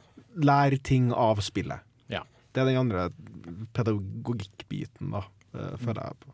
Det vi tenker er vel mer hvordan man lærer ting av spillet, og ikke så Mm. mye hvordan spillet lærer deg ting. Om spillet. spillet. ja, nettopp. Ja, mm. Ja, om spillet.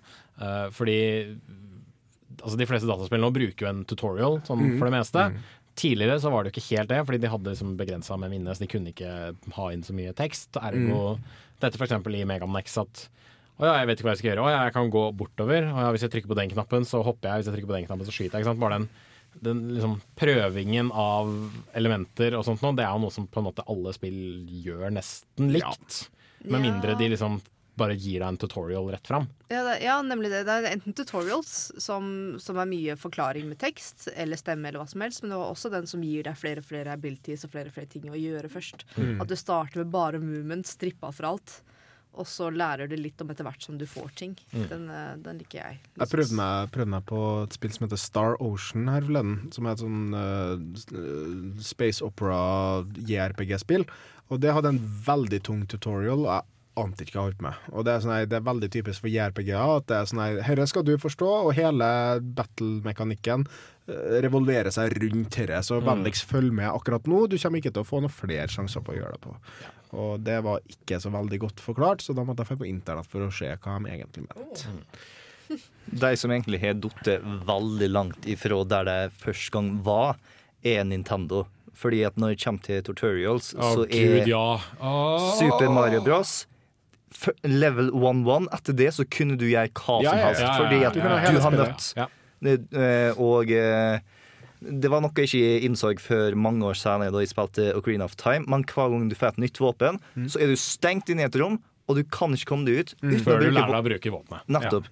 Mens eh, den Nintendoen vi har i dag, er den Nintendoen som tenker å legge med en DVD med Super Mario Galaxy 2 for å lære Ja, ja, ja. spillet. Seriøst, gjorde de det? Ja. Det, det er et eller annet galt med Nintendo. Det er som om de tror at vedkommende som spiller det spillet uh, de har foran seg der og da, aldri har spilt et dataspill før. Ja.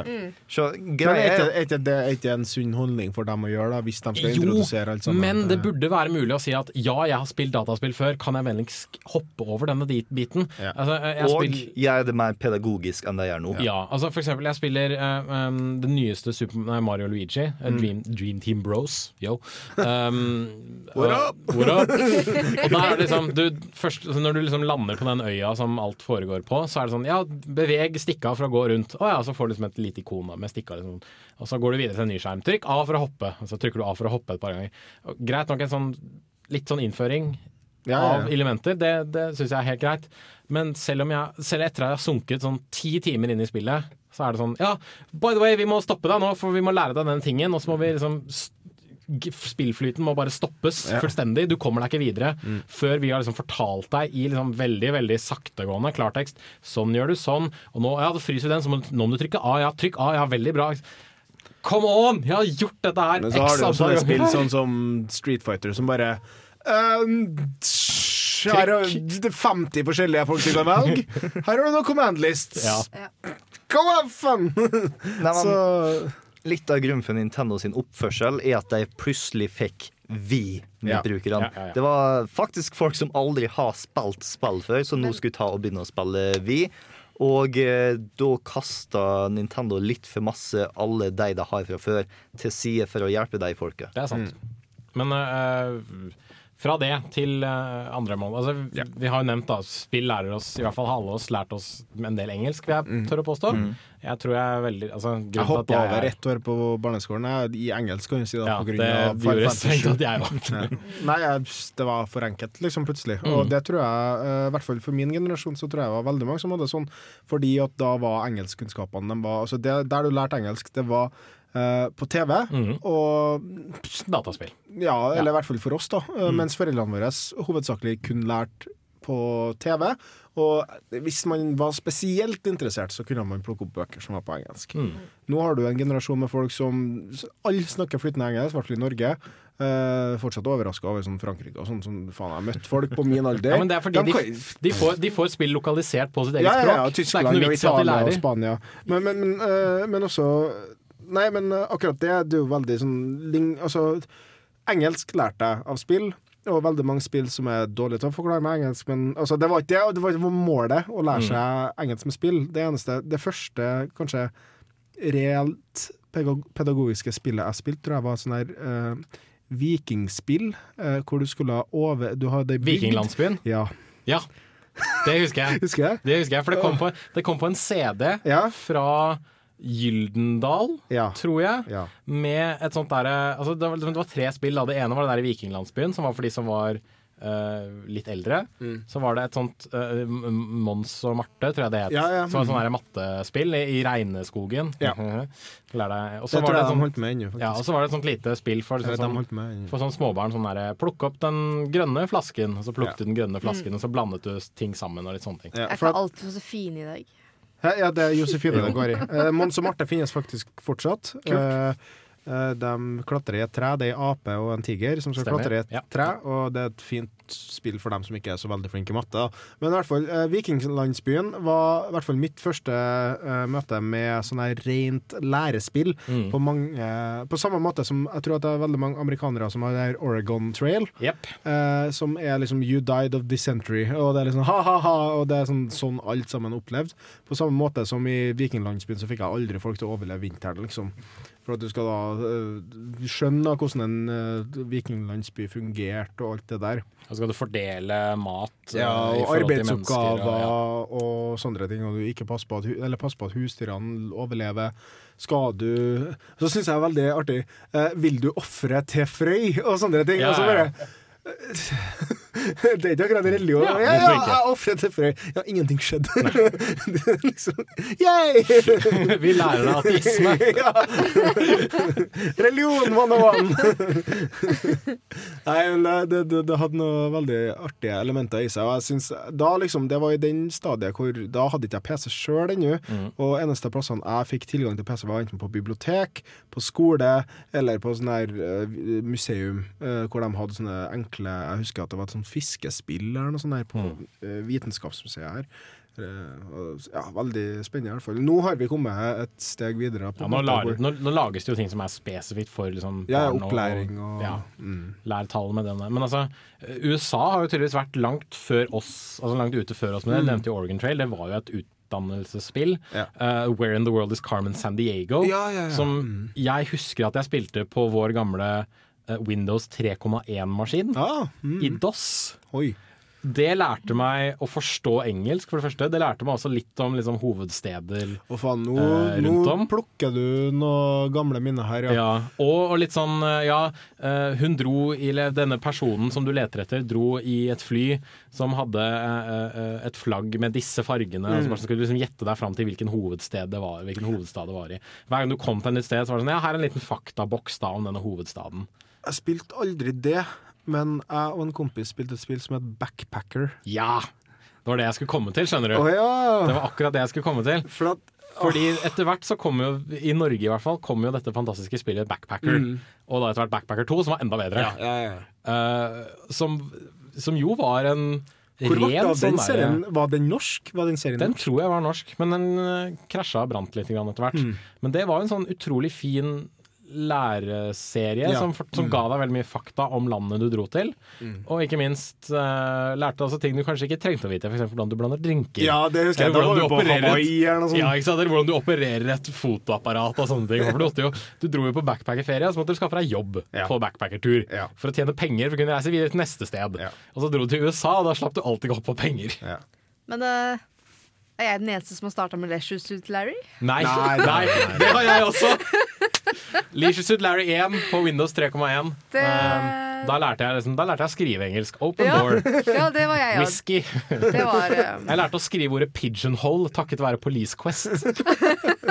Bra. Space Quest og herregud. eh, det var veldig sånn trial and error-spill, eh, hvor du måtte bare For du, du visste ikke hva du holdt med, så du måtte bare prøve ut ting, og som regel så kom du ikke gjennom lenger. Det var sånn her hver femte gang kanskje du Mm. oppdaga noe som fikk deg til å komme lenger. Mm. Men jeg har, jeg har et eh, spill fra da jeg var liten som faktisk var veldig pedagogisk, som heter Word Rescue. Mm. Uh, hvor du spilte som enten en gutt eller jente, og så eh, hoppet du rundt og fant, uh, fant uh, Eller du fikk et ord, tror jeg. Og så skulle du finne da bokstavene til, denne, til dette ordet. Jeg tro, tror ikke du måtte gjøre det i rekkefølge, men du skulle klatre opp i borger, og du hadde litt sånne helt basic fiender, som litt slanger og sånn. Mm. Brukte veldig lang tid på det gjennom SFO. Ja. Eh, hvor vi hadde en PC stående med, med DOS. Uh, som vi da spilte. Det var egentlig, Vi hadde noen andre spill, noe Alleycat, tror jeg. et eller annet spill. Ja, ja, ja, det- har jeg spilt. Ja. Dette, dette lilla og turkise Ja, bare, yes, hvor yes, du yes, spiller yes, rundt yes. i skatten. Mm, mm, ja. mm. De to spillene hadde vi. Og det var alltid sånn at litt avhengig av hvilke barn som spilte, så klarte vi å komme oss inn på Det var alltid en utfordring å komme oss inn på spillene gjennom Ja, DOS, for det var bare noen som klarte å liksom skrive Noen språk- og sånn. ja. Mm. Ja. Um, så det var vel kanskje da jeg var mest populær, tror jeg. Fordi du hadde lært deg det. Herlig. Nei da. Men, det, var, men det, det er kanskje de to spillene jeg husker best. Det var ingen som spilte noen sånn Math Blaster eller noe sånt nå. Det var kanskje mer en amerikansk greie. Bård, du hadde noe å si? Eh, en egenskap som jeg tror alle sammen her i rommet har, fordi at vi har spilt såpass masse spill, er det å kunne lese kart. Ja. Vi har liksom Ja. tatt og spilt så mange eventyrspill og alt mulig rart hvor du har nødt til å ta og orientere det Mm. via kart.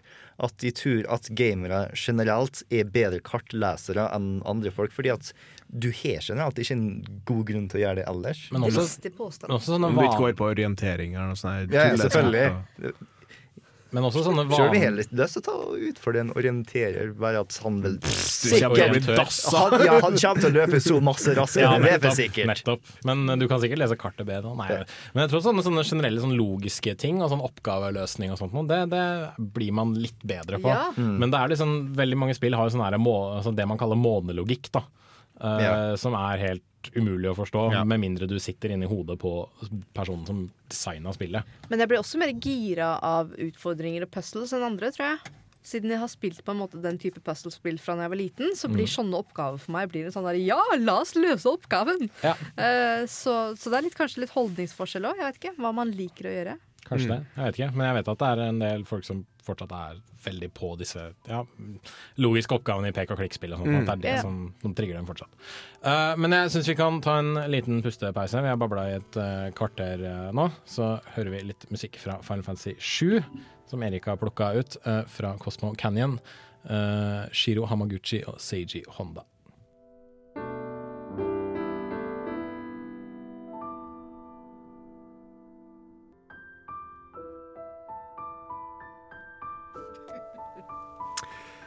Apropos Det er så nydelig.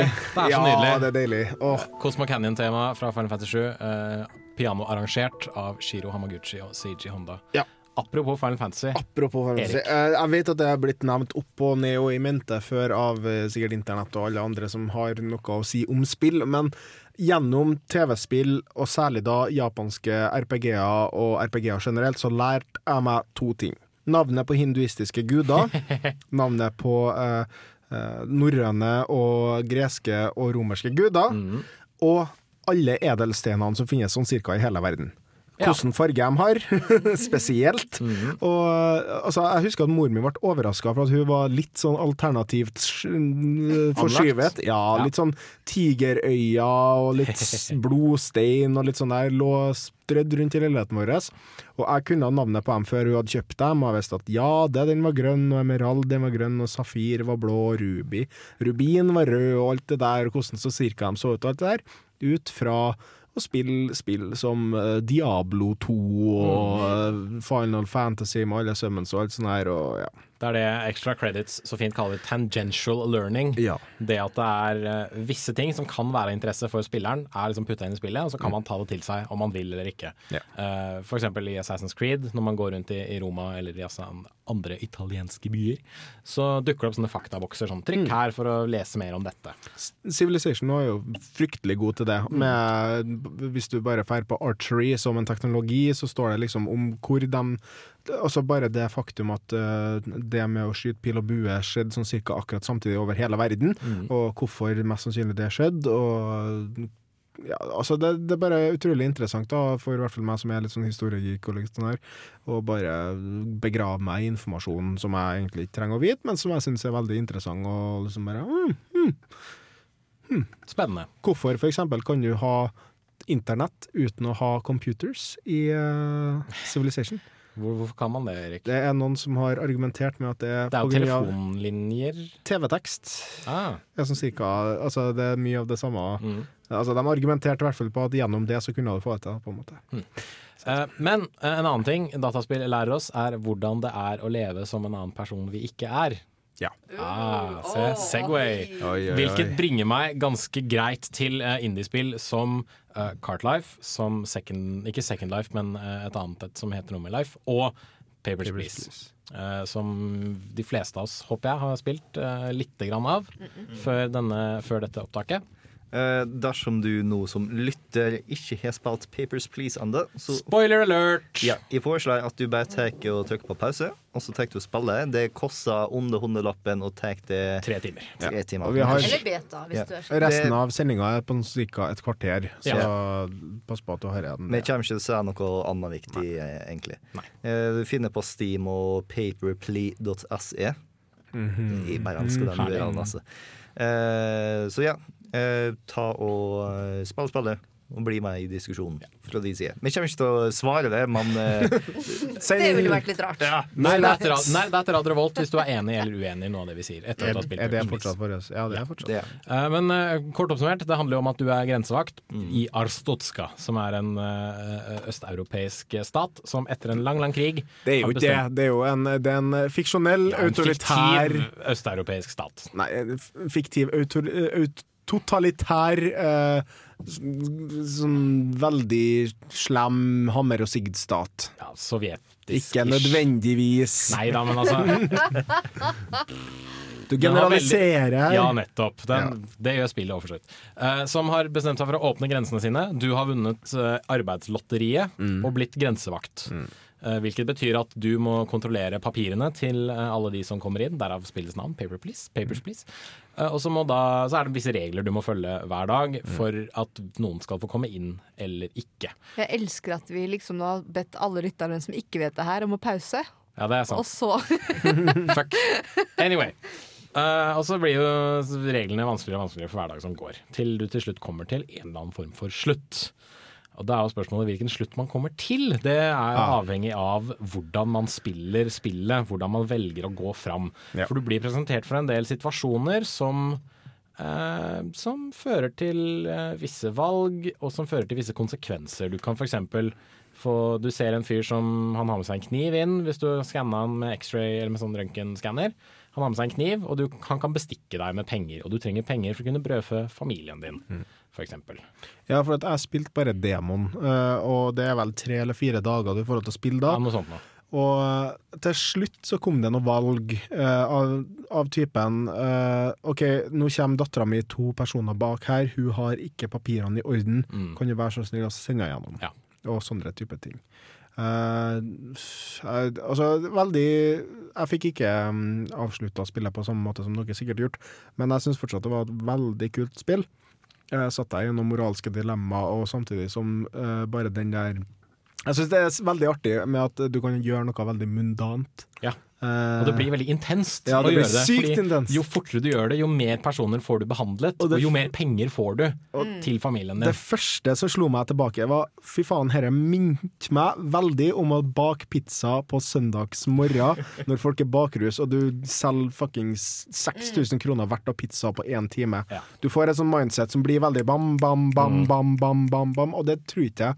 Jeg tror at det er mange som går glipp av et sånt mindset, med å, eller et sånt tankesett ved å gjøre ved å aldri havne i en arbeidssituasjon hvor du gjør noe som er veldig likt hele tida. Ja. Eh, og jeg, altså selv om jeg ikke anbefaler alle sammen til å gå og jobbe i en kullgruve, så prøv Papers, Please, sånn at du skjønner hva jeg snakker om. i hvert fall. Du får den følelsen når du sitter og spiller òg. Fordi jeg satt og spilte, og jeg følte virkelig den derre greia med at jeg må finne noe feil. For Ja. du føler den der greia Ja, så når blir du du feil, når du ikke finner og de feil. blåser i den der høyttaleren og greier, Ja. og kjefter på deg. Og, og det er sånn Shit, men jeg finner jo ingenting! Men det må jo være Ja, noe feil! Og- Men, men det er jo ikke alltid at det må være noe Nei. feil. Kanskje de bare Nei. har papirene sine i orden. Ja, pff, liksom. I østbakgrunnen. Ja, i hvert fall. Og så når du da kjører dem inn, så kommer den der Ja. fra den der printeren. Faen! Det var det! Helvete! Du har også det øyeblikket hvor du tar og leverer tilbake papiret. Og sånn, oh shit, jeg glemte å sjekke om stempelet var riktig eller ikke. Og så er det sånn fem sekunder før papirlappen kan dukke opp. Og bare sånn Og så dukker den ikke opp. Og så det sånn, OK, da var stempelet i orden Ja, nettopp. nettopp, nettopp, nettopp. Eh, altså, du kan delta i uh, opprøret i landet, for det kommer en fyr med maske og gir deg en lapp. Og så The order ja. awaits. Eh, jeg endte opp med å hjelpe denne The Order, og fikk til slutt i oppgave om å, at det var en mann som ikke skulle slippes inn. Jeg glemte hva han het.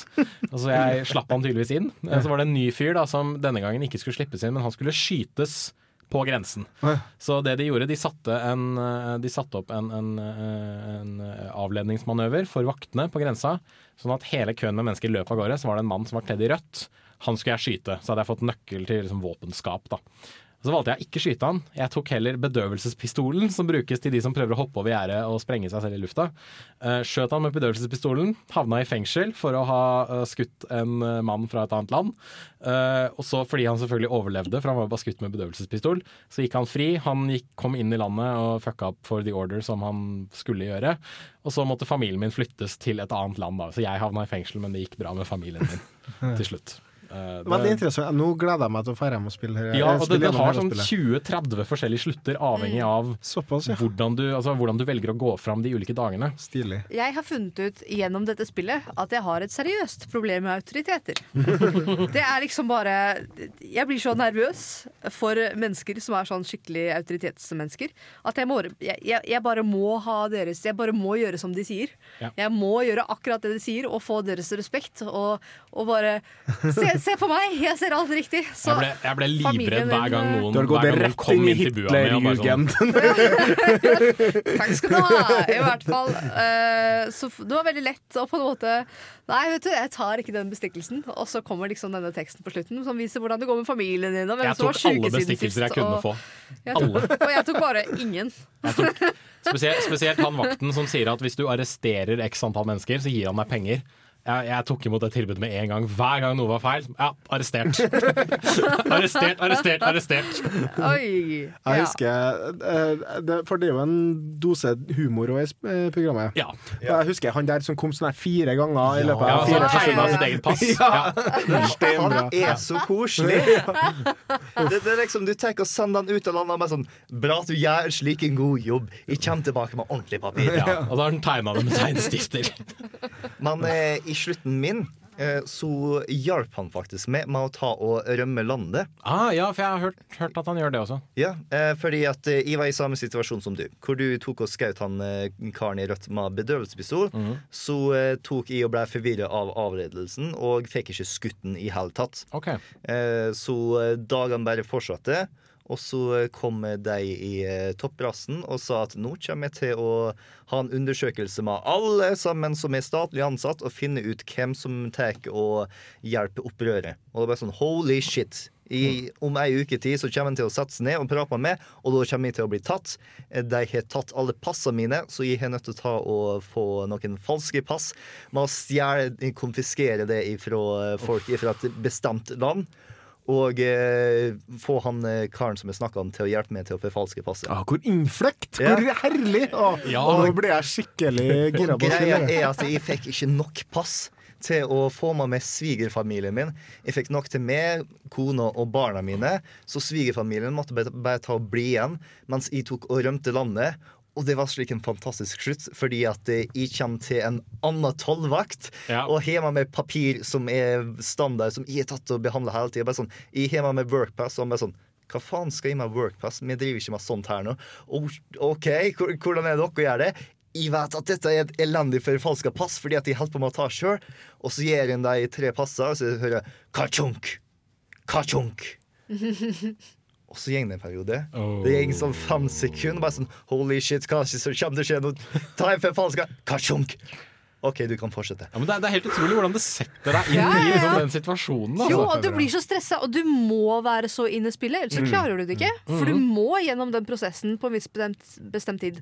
Så det blir så ekstremt enspora fokusert Og jeg syns også, det at er- ja. det bare funker, da. Jeg synes også det er noe veldig herlig i spillet med, liksom, med lyddesignet. Ja. Den derre mm. fra, fra stemplene, men også den derre altså den lyden fra høyttaleren. Altså, Mm. og så gir det deg papir, og så ah, Det er bare så herlig alt Det, sammen. det, altså, det setter deg Det er veldig immersion, som det heter. Altså, det, Ja. du, er, du er der.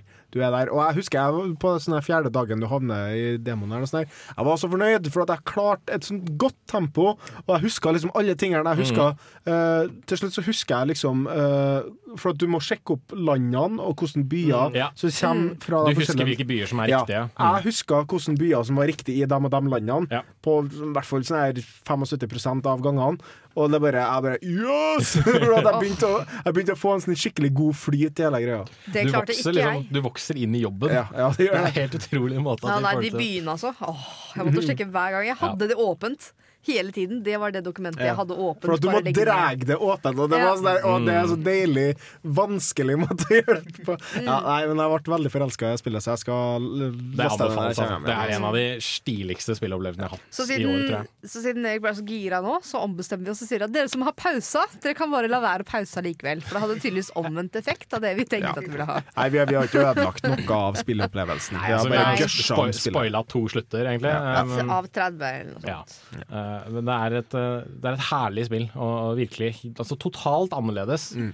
enn Mange andre spill. alt jeg har spilt i år. Du kan, du, du kan tenke sånn der, Hvis noen spilte Lemonade Stand-spillet, som er sånn cirka Ja, jeg har det. Ja, eh, det er noe av samme greia, Ja. Eh, men Bare masse, masse depresjon på toppen, og du blir Du kommer i en sånn her rytme av hele greia. Men eh, nå må vi nesten slå en strek, for vi begynner virkelig, virkelig å gå tom for tid.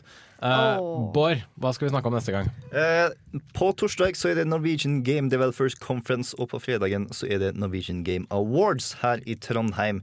Eh, det er gratis tilgang for alle sammen som har lyst på, så bli med på det dersom du vil. Men påmelding til i morgen. Jeg lurer på om det må gjøres i kveld. Jeg tror det er smartest å gjøre Da er det kjipt hvis du hører på denne podkasten på fredag. Ja. Ja. Eh, men vi kommer til å sende folk dit nå, og så kommer vi til å prate en del om det. Og så eh, vet ikke om Hallgeir får fiksa uh, Rome Total 2-anmeldelsen sin. Tror vi bare får la han eh, seile sin kos. Ja. Vi får se. Vi får se. Vi begynner å bli voksne og har mye å gjøre, Ja. alle sammen. Ja. Visst, jeg. må finne tak i noen unge, naive folk som ikke gjør noe lenger. Søk samfunnet etter jul, folkens. Ja. Hanna gjør jo ingenting, da. Nei, Så kan jeg anmelde til neste uke, Hanne. Ja, neste, uke, neste uke skal jeg være program... Nei, det ble dytta. Ja. Så ja, nei, vi får se, da. Jeg skriver en Ja, minianmeldelse av The Room, som Ja. kanskje kommer Og du har en dings vi har lyst til å snakke om. Ukas gadget. Gutta i studio har hengt seg opp i mitt eh, armbånd, som vi kan uh, kanskje snakke om neste uke. Det kan vi. Ja. fascinerende. Mm. Eh, nå uh, hører dere musikk fra League of Legends. Yes. Det er låta som ble spilt på login screen når Queen and Valor ble lansert. Kult. Det sier meg absolutt ingenting, men det sier sikkert dere som spiller League of Legends. La ham få høre på resten nå. Ja, det skal vi gjøre. Uh, Jens Erik heter jeg. Uh, jeg har hatt med meg Bård, Hanna og Erik i studio. Uh, vi takker for oss og hørs om en uke. Sayonara.